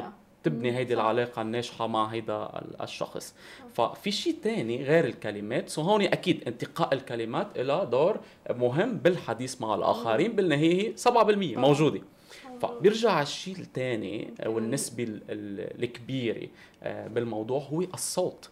مثل ما كنا عم نحكي من شوي الصوت هو تقريبا 38% نسبتها على آه، بناء التواصل مع الآخرين.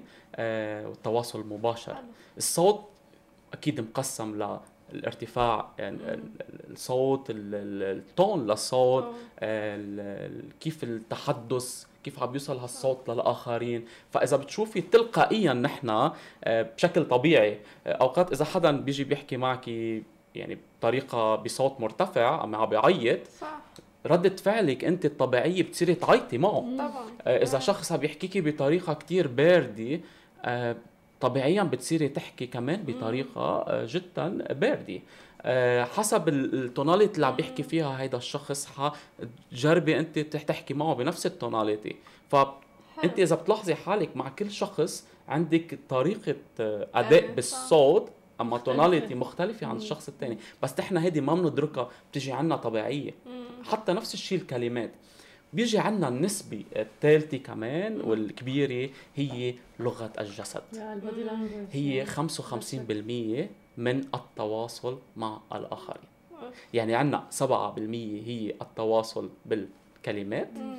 38% هي بالصوت لغة الصوت هو و 55 55% هي لغة الجسد. جسد. أوكي. هلأ إذا شفنا النسب حددناها. إذا هلا بتروحي هلا على مكان. عم بتفوتي على مطعم أما مكان عام أما مكان في event معين حفل معين وبدك تتعرفي على أشخاص وتبني علاقات بهذا الأشخاص. okay. إذا أشخاص ما بتعرفيها okay أما شفتيها غريبة قد إيه النسبة ممكن تروحي تحكي مع هاي الأشخاص؟ قليلة. قليلة. okay. آه طب إذا انوجدتي مع شخص لأول مرة ب event كيف ممكن تكون آه تواصلك معه؟ شو الأساليب اللي بتعتمديها لتتواصلي مع هذا الشخص؟ بدي أفتح مواضيع إنه موضوع ممكن إيه. موضوع يهمك ويهمه إيه، كشيء. common يعني. إيه okay. أو إنه مثلا بدي أفتح معه إنه مثلا قد صار لك بالبلد أو شيء هيك يعني هاي شغلات لحتى نلاقي مثل خلينا نقول شيء خانة تحكوا عنها إيه يمكن. بالضبط. بس يعني آه، هيدي المواضيع أما هي الخانات ال common مم. ممكن تستمر خمس دقائق عشر. دقائق صحيح مزبوط طب أنت عم بتغادري هذا. المكان أما هيدا الشخص. آه، قد إيه تركتي أثر لا شك كبير عند هيدا الشخص مم. يعني ممكن هيدا الشخص يتذكرك بعدين يمكن ما يتذكرك. مزبوط ولا لا يمكن تتواصلي معه يمكن ما تتواصلي معه فنحن بهمنا لما تتواصلي مع شخص. لأول مرة. تتركي الأثر اللازم معه. يعني هيدا الشخص تتركي عنده انطباع هلا. في شغلات بهلا. أثرت فيي. بطريقة ال- ال- الحكي بطريقة الصوت الأسلوب هذا الشخص. مميز اللي احكى. معي. فأنا عندي شو اسمه الحشرية أرجع أحكي معه. أكثر أما أرجع أتواصل معه أكثر وأكثر. وأكثر فنعرف نحن العلاقات هي بتبلش أول شيء بنتوركينج بالتواصل. إذا هذا التواصل انتهى عند التواصل بحفل أما بمكان عام انتهى. هون بدنا ناخذها لمرحلة ثانية اللي هي شو التواصل أكثر وبناء. العلاقة حلو ومن بعد بناء العلاقة أكثر وأكثر وأكثر بدنا ناخذها لمكان أبعد اللي هي. ال advanced relations هون بيصير في قصص common بيناتنا ممكن مم. ب business ممكن ب- بعلاقة صداقة آه،. بتجمعنا. على أهداف عامة على. شغلات معينة نحن بنقوم فيها. طيب أنت فتي على هذا الحفل خبرتيني هلا إنك أنت عم تتواصلي مع هذا الشخص فتحتي موضوع in common in common بينكم بينك وبينه وفتي بهذا الموضوع طيب أنا إذا بيجي بقول لك يحكي عن حاله إذا بيجي بقول لك شو الأساليب الثانية اللي ممكن تعتمديها. كهالة بلغة التواصل مع الآخرين وتنجحي فيها. وأنا بأكد لك إنه بتنجح بنسبة 100% يلا okay طيب أول شيء نحن حكينا عن الكلمات الكلمات هي 7% so نحن لازم لما نحكي مع الشخص لأول مرة ننتقي الكلمات الجميلة اللي نحن شو طبعاً. عم نحكي فيها مع هيدا حتى الشخص نعرف عن. حالنا مية يعني. بالمية هذا so. بنعرف نحن وقع الكلمات كيف بدنا نحكي فيها تاني شيء هي الصوت. مثل ما خبرتكم الصوت إذا جاي أنت شخص عم تتعرفي فيه تتعرفي معه لأول مرة مم. هيدا الشخص ممكن يكون صوته جدا يعني آه، خفيف. بطريقة آه، عم بيحكيكي كأنه عم بيهمس مم. ما فيك تجي أنت تحكيه بصوت عالي. لما تحكيه بصوت عالي أنت الشخص. حيبعد حينفر حيسس حي حي حيحس في فروقات آه، بينه وبينك فعم تخلقي هون شو؟ ال blockage بينك وبينه. so هيدا الشخص رخ بصوته احكاكي بطريقة صوت منخفضة. صح. تابعي معه بهيدي الوتيرة بهيدا ال level في عالم عندها صوت أصلا عالي عن إيه. جد في عالم يعني بتحسها عم تحكي مزبوط. عم تصرخ مزبوط. بتكون عم تحكي بس ما فيكي هيدي العالم نفس الشيء إذا كانت العالم عم بتصرخ عم تحكي على صوت عالي جدا ما فيك تجي انت تحكي على صوت واطي حيطلع حيحس حاله في شيء غلط آه، أما انت غلط أما هو هو غلط. الشخص سو هون لازم انت تحكي بوتيرة عالية. إذا هو عم يصرخ شو عم لك تصرخي مثله بهاللحظة بس احكي بوتيرة عالية كمان. عالي عرفتي كيف؟ ف... ف... يعني نفس الشيء. so لازم نلعب على لغة الصوت لأن خبرتكم الصوت 38% حتى ال tonality يعني. أوقات بتشوفي شخص عم بينزل بالصوت بطريقة معينة عم بيطلع بطريقة معينة أما صوته كتير شخص رقيق هيك عم بيحكيكي مم. بطريقة so ما فيك تجي أنت عم تحكي بصوت آه، خشن ولا بصوت آه، يعني كأنك عم بتعطي آه، أوامر أما عم بتعطي aggressive so, هون لازم ننتبه على لغة الصوت. so, اتبعيها مم. أول شغلة كلمات ثاني شغلة صوت. صوت صوت. ثالث شغلة هي لغة الجسد. هون لغة الجسد هي خبرتكم 55% يعني إذا هلا مع ميري أنا شفتك لأول مرة. أنا بضلني عم بادي لانجوج بادي لانجوج مزبوط. كيف نعمل رابور بالجسد بلغة الجسد؟ أول شيء السلام هذا أول شيء سلام. هلا السلام هي بالتاتش مزبوط. بس بالسلام هي مهمة كتير. يعني إذا شخص جاي عم بيسلم عليكي بطريقة مد إيده هيك وسلم وشد على إيدك بدك تشدي. صح في أشخاص بتشوفيها عم بتسلم بطريقة كتير آه بس يعني هيك. آه،. بس إنه دي تاتش آه. نفس الشيء بدك تعملي. ما فيك حدا عم يجي يعمل تشدي آه، بإيده. يمكن ما بحب هو كسرت الرابور من أول مرة. عرفتي كيف؟ آه في في أشخاص مثلا بتحب تسلم وت وتشد. تعمل هيك تعمل هيك. آه، so, آه، yeah. في أشخاص بتجي they want to touch. So you need to touch كمان. So- ما بتفلت. في ناس ما بتفلت الإيد يعني. مية مية بالمية. سو بدك تعمليها بالمثل خاصة لأول مرة تاني مرة عم تتعرفي على هيدي لا لتحسوا ب آه، بيناتكم كأنه في شيء متساوي.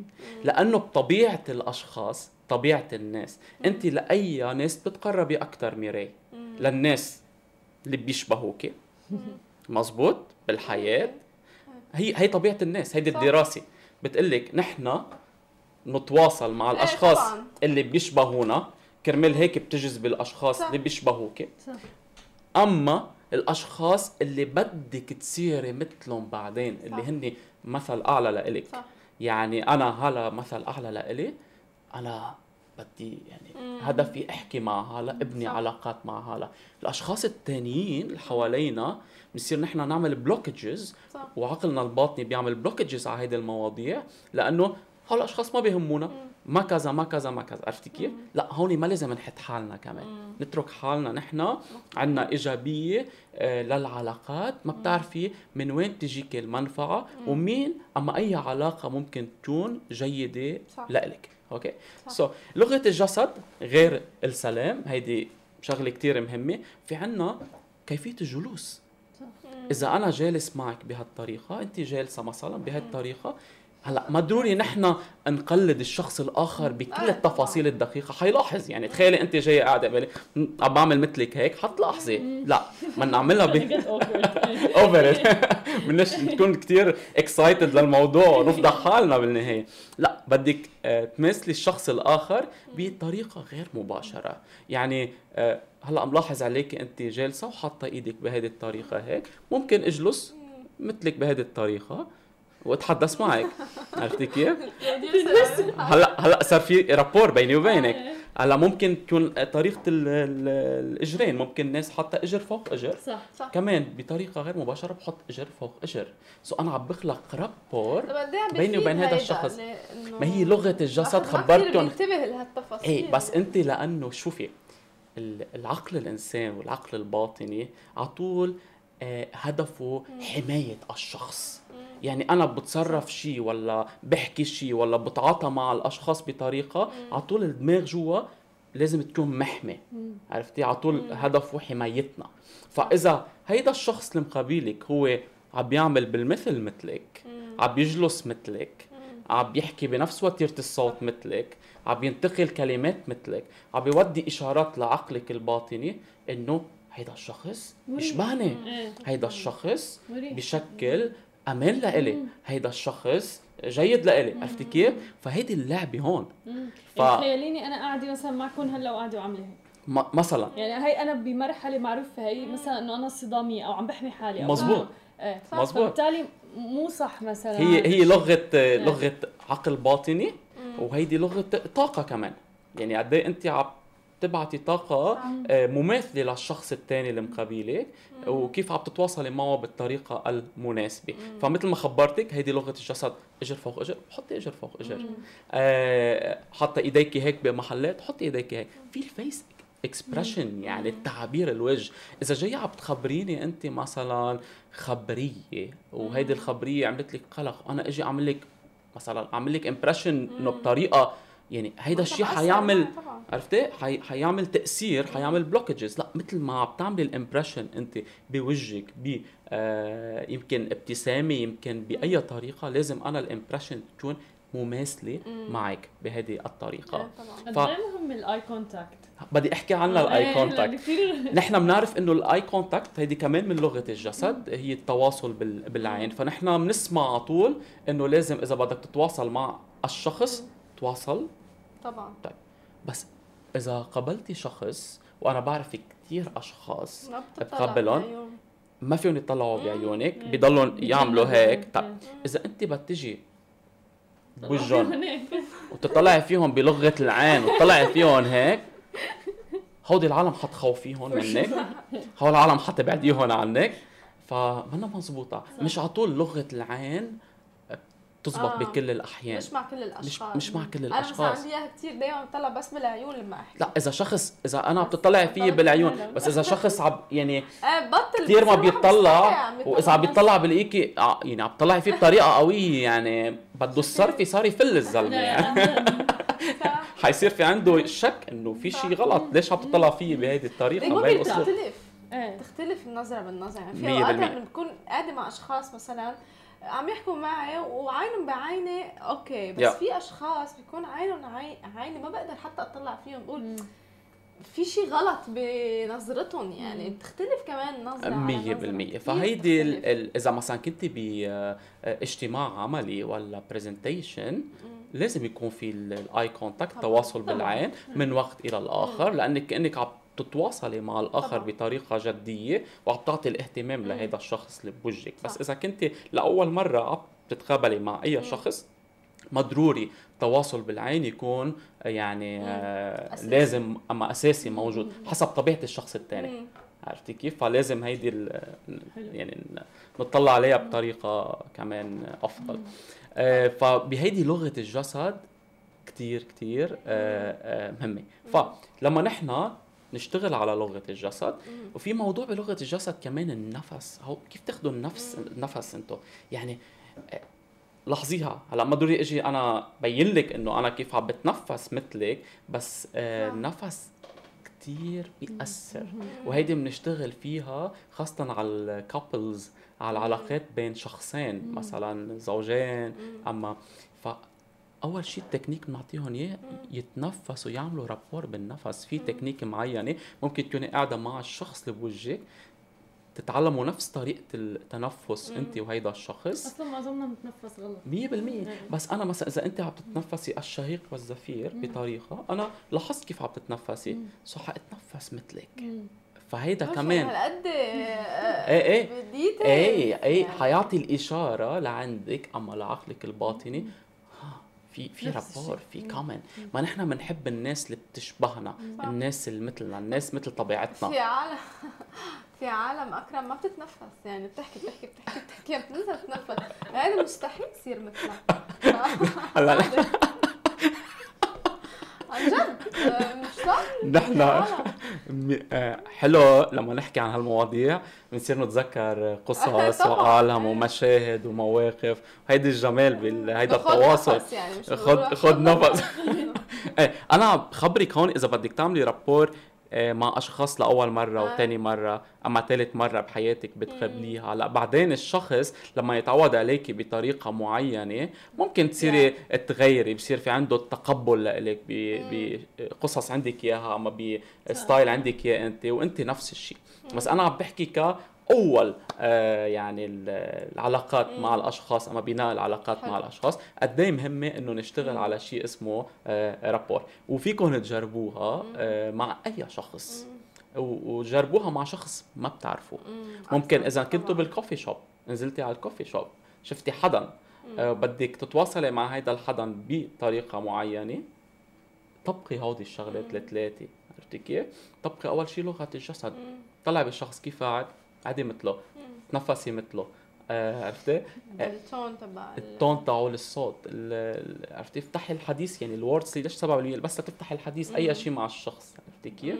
وهيدي بتنفع كتير كمان آه ك coaching وبكل ال sessions اللي بنعملها أول شيء بنعمله هو to build rapport مع الشخص الآخر. لهيدا الشخص. الآخر. يتقبلك يصير في تواصل بينك وبينه وليعطيكي الأمان ويعطيكي الثقة. so, كثير مهم. فيكم تطبقوها بحياتكم اليومية. مع مع مع زوجك مع بيك طبعاً. مع أختك مع حتى أي مع حدا. عالم يعني already نحن عايشين معهم وعارفين. فاذا بنغير شوي بأسلوبنا. بيتشابه باسلوبهم بنبطل في أصلا مشاكل. أنا مية برأيي. بالمية. ف شوفوها. هيدي أنا أعطيتكم طريقة صح. عملية وهيدي دراسات مهمة. يعني. نشتغل عليها اللي هي اسمها ال- ال rapport حلو.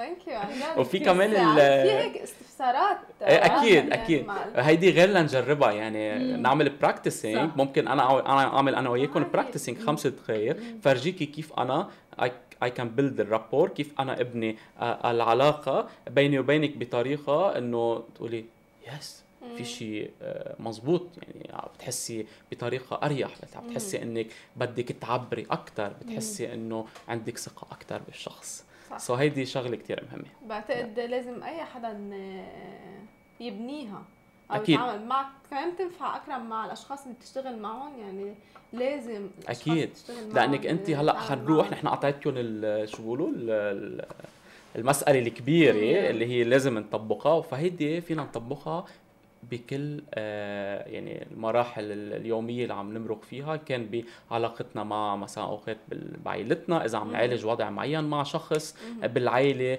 آه، عنده آه، ظرف معين ما فيك تجي وتملي عليه. أما تجي بشخصيه معاكسة بدك تجي معه ب rapport معين لتفوتي شوي شوي على داخله لهيدا الشخص. نفس الشيء بالعمل. يعني بالعمل غير إنه لازم نبني rapport مع الأشخاص اللي بتهمنا داخل الشركة آه، ممكن مع مديرك. آه، بدك تشوفي مديرك انت كيف أسلوبه بالحكي كيف أسلوبه بالصوت كيف أسلوبه بالجلوس كيف أسلوبه حتى في شيء اسمه ال expression يعني إذا مثلا يمكن مديرك بيحكي وعبي لما يحكي آه، بيعمل لغة مثلا جسدية بإيده بطريقة معينة انت بعدين بلشي اعملي مثله بهيدي الطريقة. حي...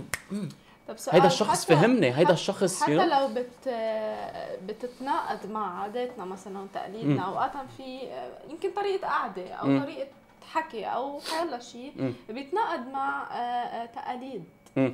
هلأ أنا أنا عم بقول لك ما ضروري. أنت تقلدي الشخص 100% لا، بس أنت بس تشوفي لغة معينة جسدية عنده فيك أنت تمشي فيها يعني الآن إذا. بتقلدي الشخص بكل شيء نعم. يعني أول شيء الشخص حيحس إنه أنت عم بت- بتقلديه بهالشغلات كلها؟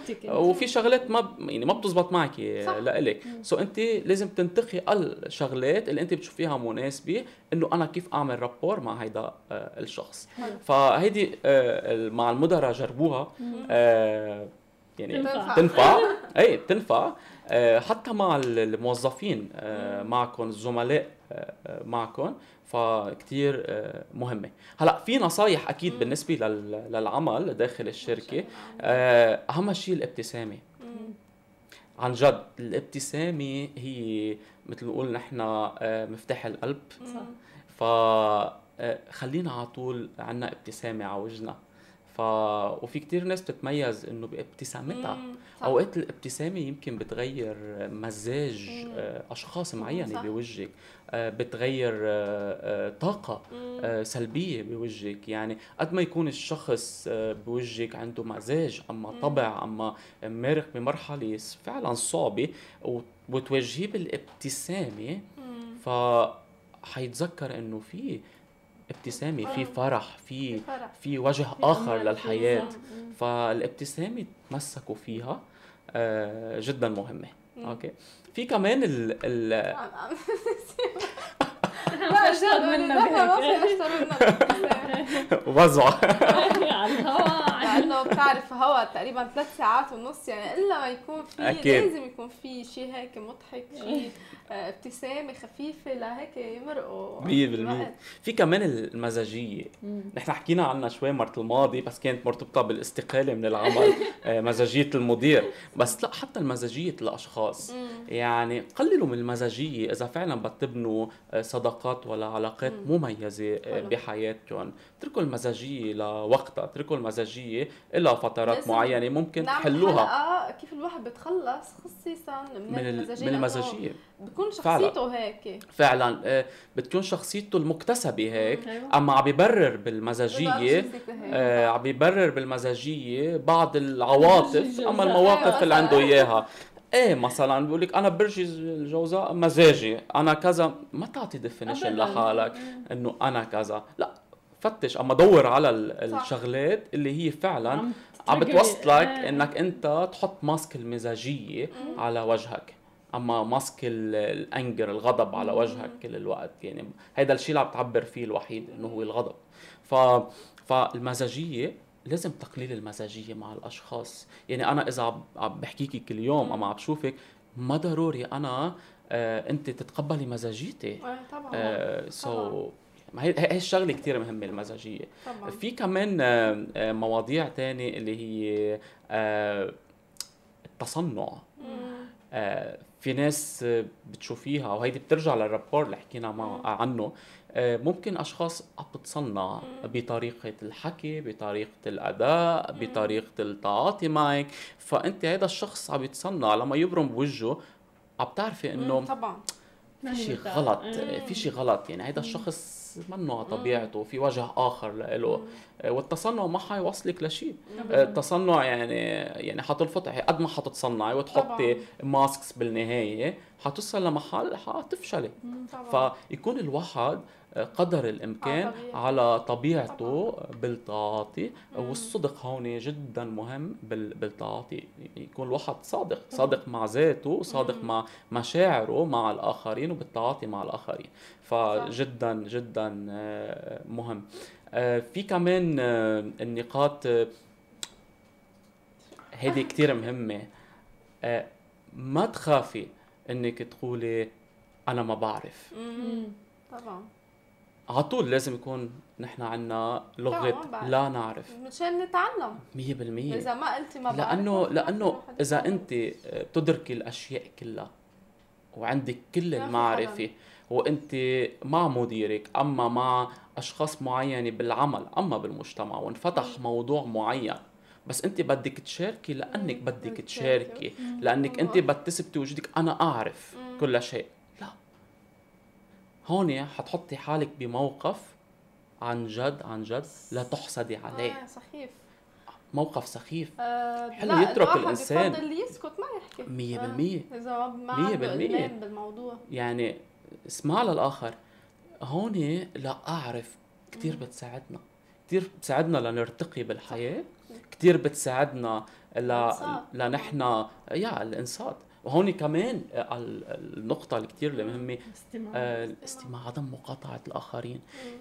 إذا أنا جاي عم قاطع شخص معين بوجهي يعني أنا مش عم بحترم هيدا الشخص. أما أنا عم بخبر هيدا الشخص بطريقة غير مباشرة إنه الحديث اللي عندي أنا أهم من الحديث اللي عم تحكيه. فهيدا جدا جدا. سيء. فاذا فعلا بدنا نحترم العلاقات ونبني و- ونبني العلاقات ونخلي الأشخاص تحترمنا على هيدا الأساس لازم شو نبادلها بالمثل. يعني شخص عم يتكلم معك. اسمعي له طبعا لازم نسمع لازم نتعود نسمع. وأنا بعرف كتير وهيدي مشاكل العالم كلها. إنه ما- بدي. أعمم بس ثلاث أرباع العالم. حتى المشاكل بالعلاقات اللي بتصير. العلاقات الزوجية أما العلاقات بشكل عام. معظمها مس كوميونيكيشن ليش؟ مس communication لأنك ما عم تسمعي للطرف الآخر. بعدين كل العالم بدها تسمع لترد. 100% مو لتسمع لتسمع. مية. لتسمع. يعني أنا إيه. ممكن إذا س- أعطيتي الوقت إنك سمعتي الشخص لفترة صغيرة حتى انت تغيري يمكن صحيح. وجهة نظرك ال perception تبعك. بس إذا أنت مصرة إنه أنا عندي هيدا ال ال القرار أما هيدي وجهة النظر وبدي أفرضها على الشخص الآخر. هي عملية الفرض على الشخص الآخر وما عم تسمعي للشخص الآخر فأنت حتفشلي.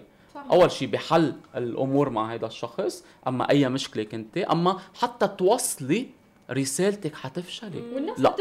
مية بالمية حتنفر. لا اسمعي للآخر. صح. أعطيه وقته وخلي واحد الآخر بالباطن قاعد عم بفكر أنا شو مية بدي بالمية. جاوب أيوة. مية بالمية آه. وأعطيه الآخر كمان آه هيدا الوقت يحكي وأنت تعطي الوقت لنفسك إنك أنت شو.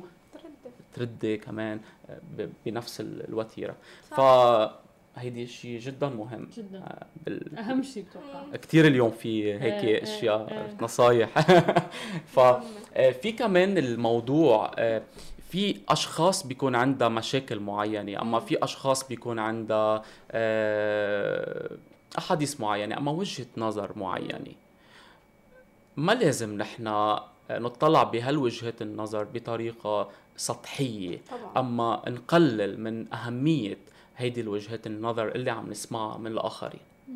ليش؟ لأنه ممكن هالوجهات النظر تكون صائبة. بعدين على طول حط حطي حالك محل هيدا الشخص أما محل وجهة النظر اللي عم يحكي فيها. يمكن تشوفيها من منظار تاني. طبعا. مش من منظارك أنت لأنه نحن بنعرف لغة العقل كل حدا عنده شو؟ عنده perception. طبعا. عنده تطلع خاص فيه. طبعا. عنده طريقة تفكير خاص فيه. عنده شغلات هو معتقدات مبنية عنده بيعبر عنها خاصة فيه. فما لازم نحن نضمر أما نحكم مع الشخص الآخر إنه نظرية هيدا الشخص غلط. نظرية هيدا الشخص ما بتسوى. أما نطلع فيه ويعني على استخفاف الأقل تحط نظرية بالاستخفاف. أهم من نظريته أو نظرية فعلا. فعالة فعلا. وهون. بتجي بلغة التواصل. لا ما حطوا حالكم مكان. هيدا الشخص. بنظرية هيدا الشخص. طبعا. فهون يمكن وجهة نظركم انتو البرسبشن لكم يمكن تتغير. طبعا. فكرمال هيك لازم ما نخاف إنه نقول ما بنعرف. ولازم نعترف إنه مش على طول معنا الحق أما نحن. نظريتنا هي صح. صح. في نظريات تانية حنسمعها طبعا. وحتوصلنا لشغلات يمكن تفيدنا بالحياة.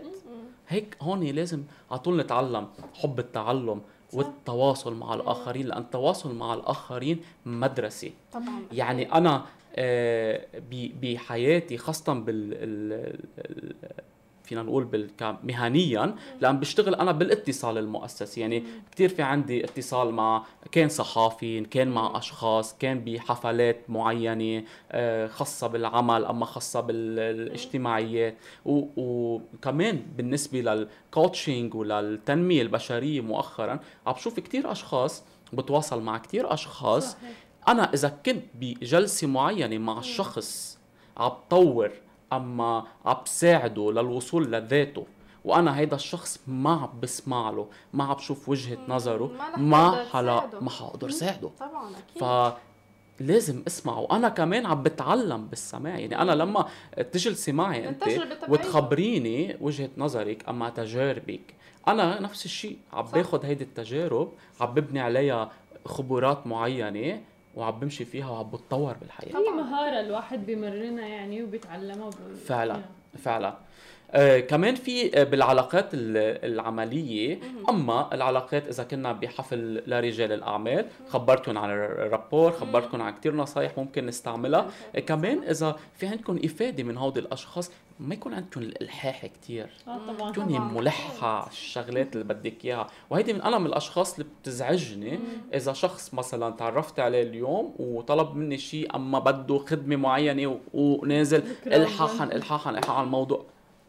هيدا الشيء بينفر هول الأشخاص. طبعاً، طبعاً. خلون يبعدوا عنك. لا اعطيه المجال اعطيه الوقت. لتبني هيدي العلاقة ليصير في ثقة ليصير في أخذ وعطاء مع هيدا. الشخص. بعدين آه، اطلبي طلبك أول شيء حيكون خفيف على هودي الأشخاص وحيتقبلوه بطريقة آه. تانية سلسة. طريقة إيجابية طريقة سلسة فهيدا شيء جدا آه آه مهم. آه، في في كثير أساليب آه، شو الاكثر شيء المواضيع اللي أنتم بتواجهوها أما هي بتشكلكم تحدي بالتعاطي مع الأشخاص؟ ميراي اعطيني موضوع هيك بيعطيكي تحدي. يمكن اعطيكي اعطيكي حل. أنا بس بدي إيه. نتفاعل أكثر آه يمكن صعوبة دايما لما بتواجد بمكان ما بحب أنا أروح بادر آه، أتعرف.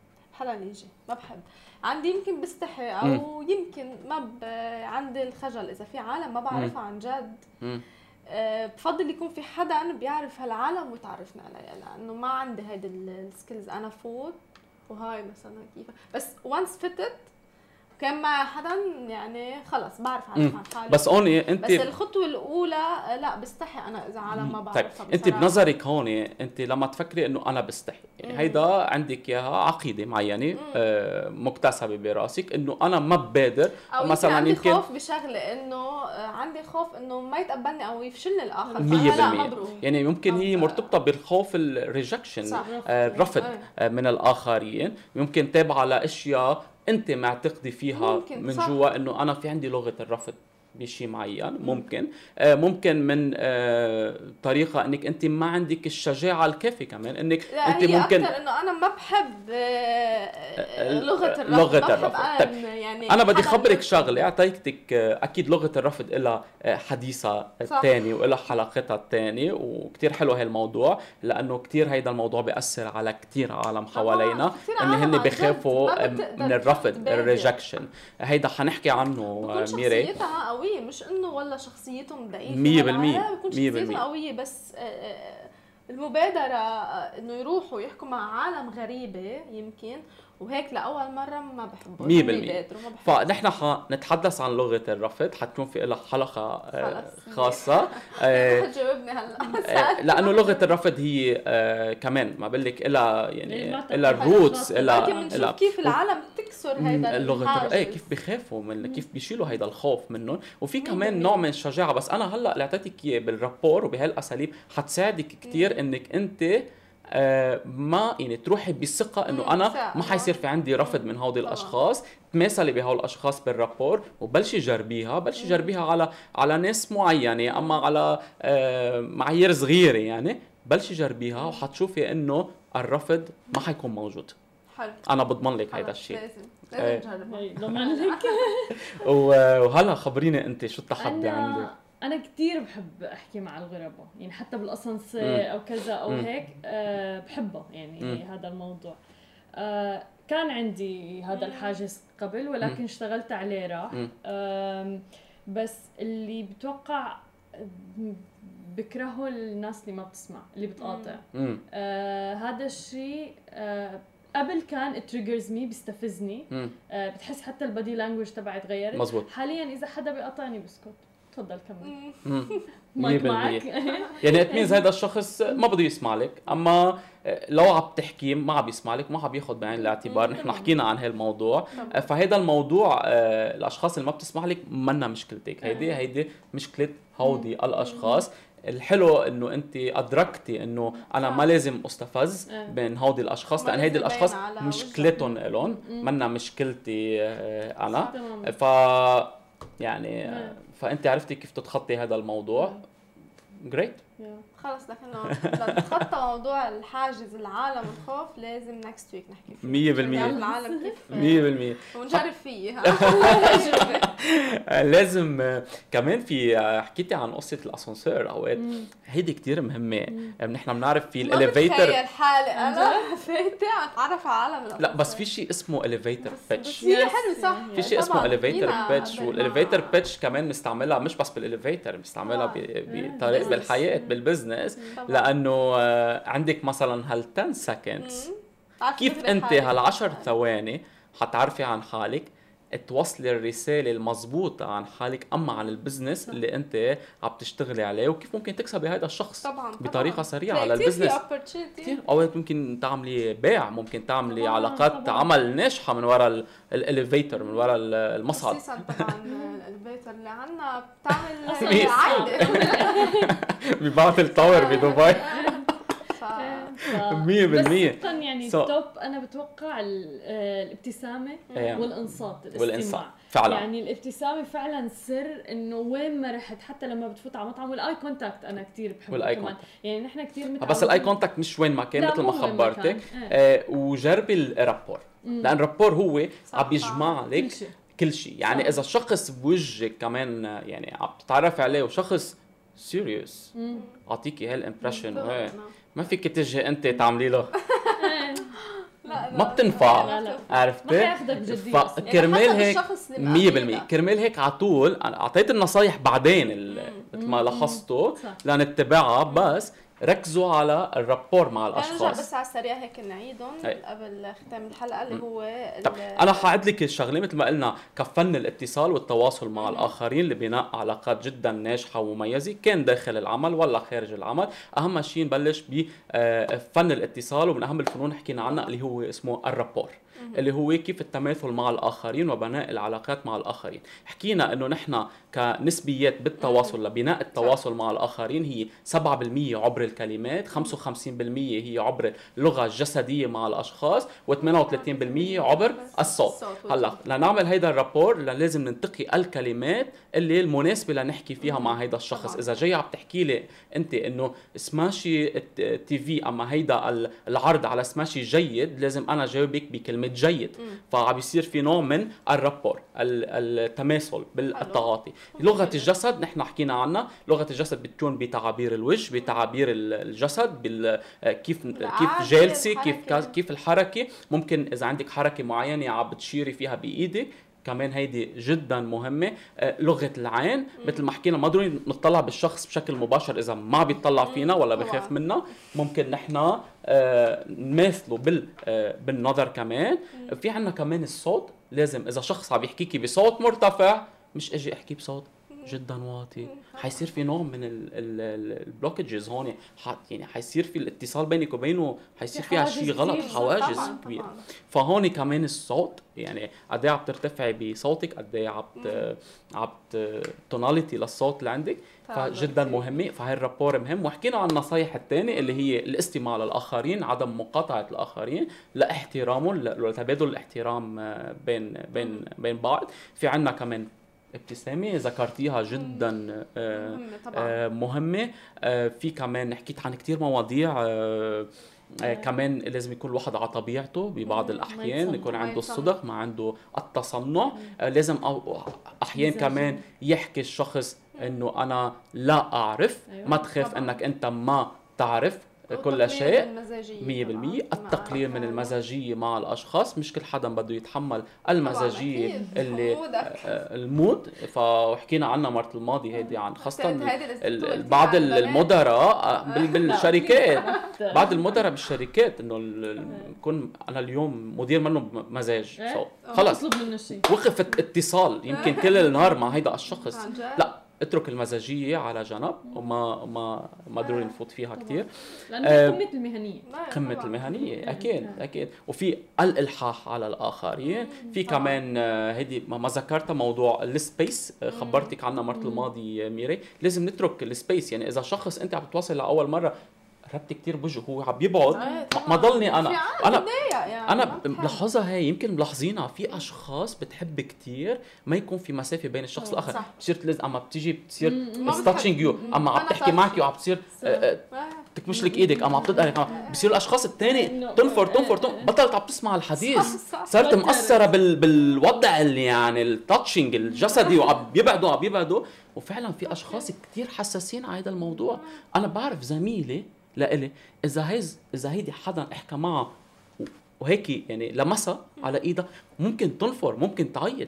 في أشخاص حساسين بهالمواضيع. إيه بده الواحد لازم لازم طبعا. نتعامل مع الأشخاص اللي لغة التاتش بطريقة مهمه من السلام الشخص ببين إذا هو طبعا.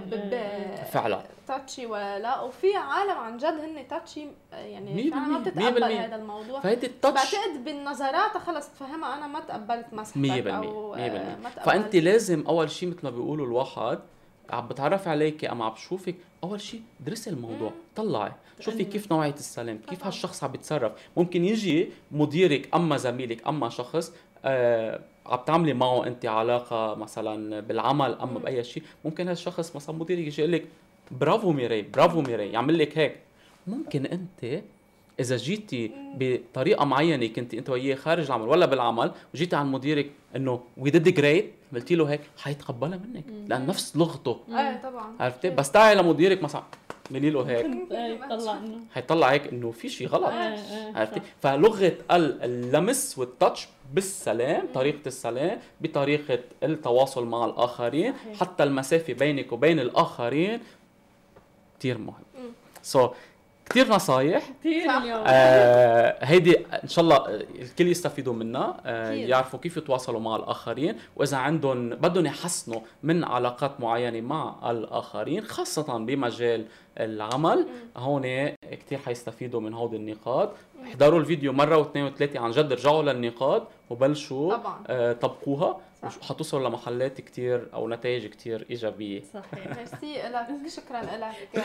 شكرا. هذا كان لقائنا مع أحمد.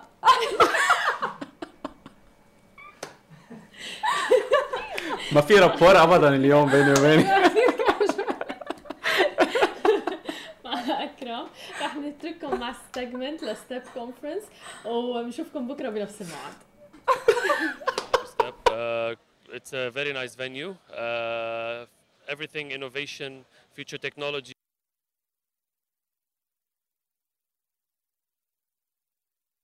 Why we uh, lots of great companies here. We're sharing a lot of information and knowledge among us, uh, amongst each other. Uh, نحن اليوم عندنا a very special product which is the Rapid E Cutaway. Rapid E is the first all-electric luxury vehicle. Uh, it's going to be in the market بال 2020. What we have today is a cutaway. Cutaway هي بيكون مجسم. الهدف منه يفرجي ال technology بالسيارة. so مثل ما راح تشوفوا ورانا ما في engine obviously في batteries في electric motors in the back وكله stripped لحتى تشوفوا استعمال المواد مثل carbon fiber and so on لحتى يخفف وزن السيارة. Uh, وأكيد فينا نحكي كثير تفاصيل عن ال charge ال range and so السياره in simple it's a collector's car so it's gonna be 155 units produced فقط. حيتصنع 155 unit بال 2020 وراح يوقف ال production للسيارة. فاللي بيحب بده يستعجل يحط deposit ف Letswork هو coworking platform نتشارك ويا المطاعم والفنادق في دبي وخارج دبي. فالمشكلة الحين إن هالفنادق يكونون مو بخاليين. ما فيها ناس ناس يجون يتريقون ويطلعون من المطعم صح؟ وفي صوب ثاني في freelancers SMEs consultants ما عندهم مكان يشتغلون فيه. فهم بيسيرون ستاربكس وكوستا ويدفعون يمكن 60 درهم في اليوم على قهوتين كوربوسو ففي الشهر ال ال يعني ال total اللي يدفعون يمكن 1000 2000 درهم صح؟ بس ما يفكرون عن هالشيء فاحنا كنا نتعاون ويا هالمطاعم والفنادق ك coworking spaces نغير نغير الفكرة فيهم. مش مطعم بس ها يكون مكتبة. إحنا طبعا تطبيق رقمي منصة رقمية تربط شركات التنظيف بالمستخدمين في البيوت. so we can call software as service so إحنا الخدمة اللي نقدمها uh, طبعا خدمة تقنية اللي هي service تقدم للشركات اللي تقدم خدمات التنظيف ونوصلهم بالبيوت. فالمستخدم بكل بساطة من خلال تطبيقنا يقدر يحجز خدمات تنظيف منزلي بنظام الساعة. بكل بساطة وبكل سهولة وبدون الحاجة للتدخل من أي شيء في كثير بس يعني إحنا اللي يميزنا عن غيرنا اللي هو صحيح إحنا شركة تقنية وما عندنا تدخل بالعمالة اللي نتعامل معها من الشركات بس مع ذلك إحنا نتخذ العمالة كجزء رئيسي من سبب نجاح الشركة. فبالإضافة إلى الخدمات اللي نقدمها لهم ك service ففي عندك driver app فالسواق لما يوصل العاملة عنده driver app يعطيه ride optimization So نحن اليوم we have a very deep focus on B2B startups. بنشتغل مع ال B2B startups بنساعدهم انهم يصير عندهم بزنس أكثر مع our customers. فنحن مايكروسوفت عندنا بزنس مع مثلا اعمار Emirates كل هول عندنا customers فيهم. فعندنا industry leads كمان عندهم expertise بكل ال industries يلي هي ال financial أو retail so, يلي عم نعمله إنه we're working مع هول ال startups كرمال أول شيء to transfer the industry knowledge لإلهم. وتاني شيء كمان بنشتغل معهم إنه بنساعدهم to sell their solutions ل our customers. It's a very deep engagement. يعني بنشتغل معهم على مستوى كثير عميق لأنه نحن it's it's a benefit to us كمان فنحن بس نساعدهم إنه يظبطوا ال technology and their technology يكون hosted معنا. بنساعدهم to penetrate our customers because it's a benefit to us and to them. ف startups عن جد بيشوفوا ال benefit من هيدا الشيء لأنه نحن عم نستفيد وهن عم يستفيدوا كمان. نحن ب Spark of a very big uh, media group. Uh, مجموعة كثير كبيرة بنعمل services. uh, بس ما بنوقف على buying و, و planning uh, uh, has the spirit of, of uh, entrepreneurship and startup and this is why we're here uh, فمش من زمان كثير غيرنا كل ال branding تبعنا uh, we're very driven كثير نحن مع ال data كثير بنشتغل with data كثير all our client base uh, معلقين on e-commerce measurement واللي بدك اياه نحن هون لحتى نفرجي لأنه دائما الشركات اللي كثير كبار بهيدي ال industry uh, بيقعدوا بينطروا ال clients الكبار وبيفتشوا عليهم واللي نحن عنا إياهم وكلهم بس موجودين. بس كمان نحن هون لنكون على الأرض مع مع العالم يلي they want they have the power and they have the will to invest ويعملوا شيء من من scratch و uh, this is why we're here. تمام. شركة Helpling هي موقع إنترنت لطلبات آه، مساعدات منزلية. واحد إذا بده تنظيف آه، للبيت ولا واحد بت- بروح بفتح ال app تبعنا وممكن ينزل آه، بنزل ال app وبطلب مساعدة منزلية خلال 60 ثانية. هلأ اللي بيميزنا على ال competition we're the original نحن الأصليين نحن أكبر شركة عالميا بهالمجال. نحن موجودين ب 200 مدينة ب 10 دول ونحن بدينا هون بالشرق الأوسط 2015 بدينا بالإمارات. وهلا موجودين بالعالم كله. بدينا نحن اصل أصل الشركة بدأت بألمانيا ب- برلين. وعندنا اكبر أكبر أكبر supply وأكبر service عدد من service providers وأكبر عدد من من customers as well okay نحن الشركة بدينا ب 2010 آم، لقينا إنه خدمات التواصل الاجتماعي غيرت بال- بالمجتمع بطريقة كتير كبيرة. قلبت كنا نسمي نحن كنا كان المجتمع بشكل هرمي صار بمجتمع بشكل شبكي.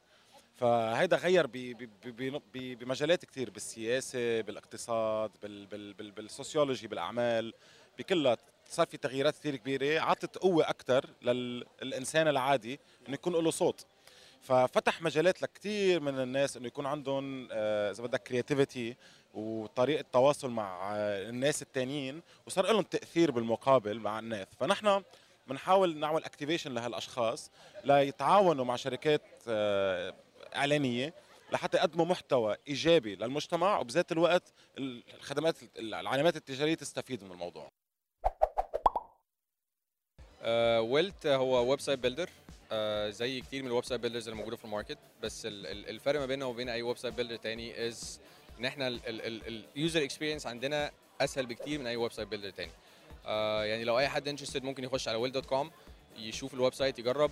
Literally you can make a website in less than 5 minutes. آه، أول حاجة طبعا ال ال إن إحنا 100% based in Arabic.